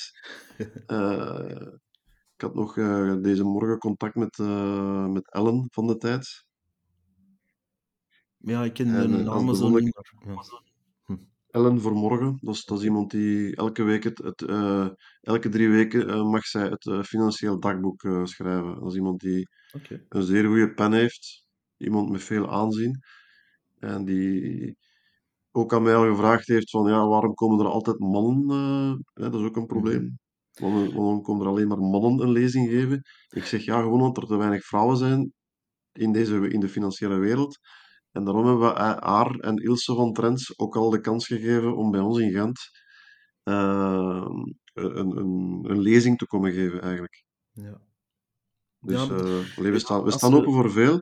Ja, Als het, als het kwalitatief is, eh, dan, dan staan we open voor alles. ja, Dus ik, ik, ben echt benieuwd eh, om, om naar jullie lezing te komen kijken en, en opnieuw nog, nog meer bij te leren dan dat ik vandaag heb bijgeleerd. Ja, er is veel bij te leren nog, denk ik. Ehm, daar willen we stilletjes aan eh, toch, toch een, een trend van maken van kijk, eh, we, gaan hier de stem van bitcoiners laten horen, maar niet op de manier dat je dat tot nu toe hebt eh, meegemaakt. Van ja, koop mijn ding en er zijn andere tokens en hier is mijn referral link en kom er mijn cursus. En ik, ja, dat, dat is ook iets waar we stilletjes aan moeten uitgroeien, denk ik. Die informatie is er. Uh, en, en, ja, share die en, en, wijs de mensen een beetje de weg en laat ze ook vooral zelf uh, denken. Uh, want niet iedereen moet dat per se goed vinden of fantastisch vinden of het licht zien dat dat permissieloos wereldwijd netwerk is en alle andere eigenschappen die ik heb opgesomd. maar ja, dat, ik, vind dat heel belangrijk ook van die andere kanten uh, aan het woord te laten. En ik denk dat we daar stilletjes aan mee kunnen afsluiten. Ik zou heel graag meer informatie sharen. En ik vond het vooral heel tof. We zijn toen naar Gent geweest over die uh, lezing. dat was toen het onderwerp voor Tesla. Maar ik vond het vooral heel tof dat u ook zelf heel open stond om gewoon ja, letterlijk met ons in het café aan tafel te gaan zitten en even te babbelen. We zaten daar met een paar mensen en die ja, daar komt iets uit. En dan zit je niet achter je computer te tweeten en one-liners van iemand anders uh, te herhalen. En, en je, daar bereik je ook niks mee. Want, ja, nee, nee, nee, weinig. weinig. Allee, je, je, je, weinig. tot een bereik, maar het is, het is heel leuk als mensen elkaar in het echt kunnen ontmoeten Mm -hmm. en hun visie delen. En, en dan voel je ook aan wat om... iemand uh, als inhoud heeft. Hè. Dan, dan voel je ook aan van, hè, uw, uw betrachting is ook duidelijk. Ed educeren en over financiën en over beleggingen iets ja. bij te brengen, dat is duidelijk. Omdat ik, omdat ik in het verleden al een paar keer wel wat geld verloren ben door gebrek aan de nodige uh, financiële opvoeding. Mm -hmm. Het is een beetje uit een frustratie uit het verleden dat, dat we in de toekomst, jong, vooral jonge mensen, uh, heel snel en, en vroeg op, de juiste, op het juiste spoor willen zetten en dan hun, hun eigen willen laten ontwikkelen. Het is niet dat we, we, we, we leren ze uh, hun eigen gewassen kweken, bij wijze van spreken, mm -hmm. maar gaan ze geen graan en brood opsturen. Ja. Hè? Dat is eigenlijk het principe. We leren ze zelf alles aan. En eendert welke activa klasse dat, er ook, dat je ook voor kiest. Want ik ken mensen die, die heel veel in grondstoffen zitten, uh, die, die graag treden, die in opties werken, die, die zuiver technisch zijn. Uh, je hebt dan mensen die zeggen, ah, ik kies voor de vastgoedaandeel, of ik, ik, ik ben iemand die heel graag in biotech gaat en ik weet alles van biotech. Dat kan niet. Je kunt niet alles weten van biotech, je kunt niet alles weten van de rest ook niet. En, Ja. en telkens zeg ik van, oké, doe maar, doe maar. Eh, ga naar uw biotech, ga naar dit, ga naar dat. Maar probeer toch een beetje te spreiden. En niet alles, en niet te veel eieren, alleen niet te veel eh, Ja, inzetten op één bepaald Ja. aandeel. Ja. Ik kan nooit, ik kan nooit 50% in, eh, in Lotus Bakery steken. Mhm. Als je, als je vandaag hebt opgelet, dan weet je hoeveel procent van mijn portefeuille in, in, in Lotus Bakery zit. Ik heb het, ik heb het vandaag gedeeld. Mhm. Ja, ik kan er mij een eh, beeld eh, bij vormen. 13,9% van mijn portefeuille zit in Lotus Bakeries. En dan zijn er mensen die tegen mij 10, zeggen 12 waarschijnlijk, dus ik zat er een percentje naast. Ja. 13,9%. En dan zeggen er mensen tegen mij, ja, dat is wel een groot risico, want je mag maximum 5%. Ik zeg, ja, dat was vroeger 5%, maar dat bedrijf is zo succesvol. Mhm. Ik laat dat gewoon groeien. Als die morgen, als die morgen halveren, ja, dan, dan, dan moet ik een zakdoek bovenhalen, want dan, dan zakt mijn vermogen serieus. Mhm. Maar ja, eh, laten we zeggen dat dat niet zo zal zijn. Hè. Maar het Mhm. is 13,9% en dat is al extreem veel. Ja. Maar ik ken mensen die eh, heel veel eh, van hun vermogen in bijvoorbeeld Tessenderlo gestoken hebben. En Tessenderlo beweegt al, al jaren zijdelings. Mhm. En die zijn een beetje gefrustreerd uitgestapt, want ja, hun vermogen, dat, dat gaat ook zijdelings. Maar ik zeg dan, oké, je zit in een goed bedrijf, dat, dat nog niet schittert op de beurs eigenlijk. Daar zit een heel verhaal achter. Ja. Maar je hebt gewoon iets, iets te veel van je vermogen, eh, 40% was dat, in dat één bedrijf gestoken. Dus, dus je idee is goed, maar je hebt iets te veel in dat, in, dat, in dat idee gestoken. Mhm. En als je kunt die spreiding doen en, en die eh, informatie inwinnen, je kunt nooit alles weten van iets, dus is het best dat je zoveel mogelijk weet van zoveel mogelijk. Ja. En, en dan kun je goed slapen. En als je zegt ja. van ik lig er wakker van, dan, dan, dan heb je een probleem. Ik heb, Ja, ik heb ooit wakker gelegen van één aandeel. Mhm. Ik heb ooit wakker gelegen van één aandeel. Dat was een, een, een spraaktechnologie aandeel uit Ieper. Iedereen Mhm. kent de naam. Ik heb er Ja. eh, heel veel geld aan verloren. Omdat ik, Zoals eh, heel veel mensen, ja. omdat ik 100% vertrouwen had in de technologie. Technologie werkte, maar er Ja. was fraude in het bedrijf. En ik was verblind en ik heb altijd maar... Telkens als het aandeel zakte, het gaat over Lernout en Houspie, Ja. telkens het zakte, stak ik er geld bij. Ik en en ik, ik, ik kon niet geloven dat dat bedrijf ooit failliet ging gaan. Maar ik heb er veel geld aan verloren. Ja, ik ben terug begonnen vanaf, vanaf, vanaf een lager en een veel lager niveau. Maandelijks weer beginnen sparen, maar lessen uitgetrokken. Van te zeggen is ik ja. nooit 30, 40 procent van mijn beleggend vermogen in één positie steken. Nooit. Dus nu, je hebt mijn posities gezien. Mijn vijf grootste posities zijn, zijn 45 procent van mijn belegd vermogen. Dat mag dan wel. Als dat dan Mhm. gespreid is tussen die... En dat zijn allemaal sterke bedrijven in mijn ogen. Dan mag dat volgens mij wel. Dus eh, let your profits run is dan een heel mooi principe. En cut your losses. Dus als je dan... Mijn portefeuille die wordt gedeeld tot 31 december. Iedereen kan die zien. Ik ben daar vrij open in. Hè? Dus Mhm. eh, de posities, de percentages. Dan gaat je zien, die taartverdeling, onderaan die taart zijn het, zijn het geen extreem kleine spiekjes, maar zijn ze wel toch nog steeds 3, 4 procent minimum. Dus let your profits run, cut your losses en automatisch krijg je een mooie verdeling. Is mijn, eh, is mijn visie. En dat is ook op lange termijn. Dat is, eh, op lange termijn, ik vind dat heel knap hoe dat u dat uitlegt, omdat dat eh, deel uitmaakt van eh, financiële educatie. Ik vind zelf persoonlijk dat daar een deel bitcoin zeker bij hoort. Welk percentage, dat moet iedereen zelf uitmaken. Maar ook daar weer, binnen de crypto in het algemeen dan, moet ik ook zeggen dat ja, mensen die alles in één ding gooien, daar meestal niet echt heel goed uitkomen. Ehm, en, en zeker niet als je dan bij de altcoins en zo terechtkomt. Dus pas daar sowieso mee op, zou ik zeggen. Eh, Bitcoin voor mij persoonlijk, en eh, ja, ik ga daar nu geen percentage op kleven, maar dat zit toch eh, boven de 50%. ehm, is voor mij zo'n zekerheid, maar ik ga daar lessen uit trekken, want wat u hier zegt, ehm, noopt mij om dat te verlagen qua ik totaalpercentage. ga nu eh, in mijn auto stappen en ik ga... Eh, ik ga u komen zoeken ja, en, en, en u de sleutel van uw portefeuille vragen. Ja, wel, Nee, dat... ik, ik eh, vind dat 50% is overdreven. Ja. Eh, als, als je expert zet, eh, ik ga ervan uit dat je expert zet in Bitcoin, eh, dan, zou ik, dan zou ik maximum gaan voor 15 tot 20 procent. Mhm. Ja, Al de rest- gezegd, ja. Al de rest van de mensen zou ik zeggen van ga maximum 5 à 10 procent in die activa klasse die u het best ligt. Mhm. Ja, maar percenten zit ook, niet alles, want misschien heb ik maar 100 euro en zit er 50 euro in bitcoin. Dus eh, iedereen ja, nee, nee, nee, maar ik, ik, ik, ik, zeg mijn mening, ik zeg Ja. mijn mening. Nee, eh, ik, Maar, volg u daarin, omdat eh, het, is, het is zo do or die, noem ik dat. Bitcoin gaat ofwel heel goed slagen. En eh, ik ben een believer, anders zou ik hier niet zitten met een podcast die zo noemt. Ehm, maar dat gaat ofwel naar zo goed als nul of onbruikbaar gaan ooit, ofwel naar ja, de reserve currency, de standaard wereldwijd. Daar gaat geen middle ground ergens zijn. Dus binnen, ik zeg maar iets, 10 jaar, 15 jaar, wie zal het zeggen, misschien nog verder in de toekomst, gaat Bitcoin niet, laat ons zeggen, 5000 euro waard zijn. Dat gaat iets helemaal anders zijn. Dat gaat veel, veel, veel meer zijn. Of ja, men spreekt er niet meer over. Niks.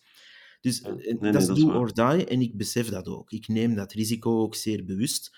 Natuurlijk, als het dan fout loopt, heb je, hè, zoals men leert uit in Houspie, je hebt er groot geloof in gehad. Je gelooft in de technologie, het is ook toevallig technologie, hè? maar en dat gaat dan neer, ja, in dat geval omdat er eh, fraude eh, gebeurde in dat bedrijf.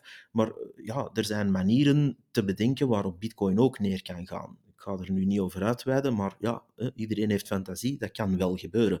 Ehm, en ja, dat is een realiteit gewoon. Dat is met alles. Hè. Zoals het voorbeeld dat u er straks aanhaalde. Ja, Coca-Cola binnen tien jaar. Ja, ik durf er mijn hand voor in het vuur steken dat die nog bestaan binnen tien jaar. Maar er is theoretisch toch een hele kleine kans dat die toch weggaan door een of ander rarer whatever voorval. En Ja, ja, ja, die kunnen inderdaad eh, kan. volledig van de wereld verdwenen zijn, Coca-Cola. En een reden die wij nu niet weten. Nee, klopt. Of, of die, die compleet onbekend is nu en die Bekend dan is. blijkt. En Dus daarom, eh, daarom dat het toch belangrijk is om, daar om steeds te spreiden en, en, en, en geen 50% van uw vermogen in, laten we zeggen, goud steken, of Mhm. grondstoffen, of bitcoin, of, of, of Lotus Bakeries. Ja. Eh, om, om, ja, En om dat te counteren ja. ook, je kunt je ook niet veroorloven om er 0% in te steken, in, specifiek over bitcoin. Dat is aan mijn mening, omdat je dan misschien, zeg maar iets, eh, het equivalent hebt van, ah ja, ik zie hier wel vliegtuigen ontstaan en ik zie hier een hele industrie ontstaan, maar ik ga daar niet in investeren. Want Nee, nee, eh, nee, dat is juist, dat is juist. dus, Dat dus is, dat is die hefboom. Als dat dan extreem stijgt, zit je met een extreme hefboom. En het is een soort van verzekering. Net zoals goud een verzekering is. Als het, als de wereld, als het heel slecht gaat in de wereld, dan is goud een soort van bescherming. En nu kom nog eenmaal terug op Longeval. Longeval spreekt er dan over, over, eh, over het digitale goud. Bitcoin, hè? crypto in het algemeen, denk ik dat hij zegt. Maar bitcoin, hè? in dit geval. Eh, is, dat wel, is dat wel verstandig, ja. Maar ik kies ervoor om... eh, ik heb een strategie en ik blijf bij die strategie. Dus elke positie in mijn portefeuille moet kunnen eh, dividenden genereren. Punt. Ah ja, oké. Dat Die is, dat, is dat is een dat dividenden, voor... ze gaan, ze gaan het op, op Twitter u niet altijd in dank Dit afnemen. komt niet op Twitter. Dit komt niet op Twitter, hè. Nee, nee. Ja. Nee, eh, Maar ik nee, wil het op Twitter herhalen. ja. Dat- ja, ik moest echt lachen toen ik die tweet zag verschijnen, sorry. Dus, eh, dat, dat iemand. Van, van dividend, eh, Ja. van eh Sas- Sasha enzovoort, eh, die Ja. socialistische... Ja, ja Dat kijk, dat, dat was een heel rare... Ja, dat is omdat ik nu toevallig heel lang in, in Melexis eh, zit. Ja, En ik zag het. ik ken iemand die eh, ooit Melexis gekocht heeft aan 3 euro. En nu geven ze meer dan 3 euro dividend. Om maar te zeggen, de, dat is de, de magie van de beurs. Mhm, Ook uitgelegd. Dat is Dus super. die, die geven elk jaar, elk jaar geven ze eh, het dividend volgens het bedrag dat ooit is betaald om in te stappen in dat bedrijf. Dus die betalen zich elk jaar terug. Wauw. Dat Dat is extreem, hè? Ja, dat is extreem, maar ook Ja, een ga, ga het maar opzoeken naar de koers, het koersverloop van dat bedrijf. Mhm. In 2008, 2009, de wereld ging bijna vergaan, zakte die koers naar, naar 2, 3 euro. En nu geven ze een dividend dat toen de waarde was van het bedrijf op de beurs. Nou, ik zie het hier. Ik heb, toen ook, ik eh, heb toen gekocht aan 5 euro, dus ik heb, ik heb nog te duur betaald toen, laten we zeggen. Zwart. Ja.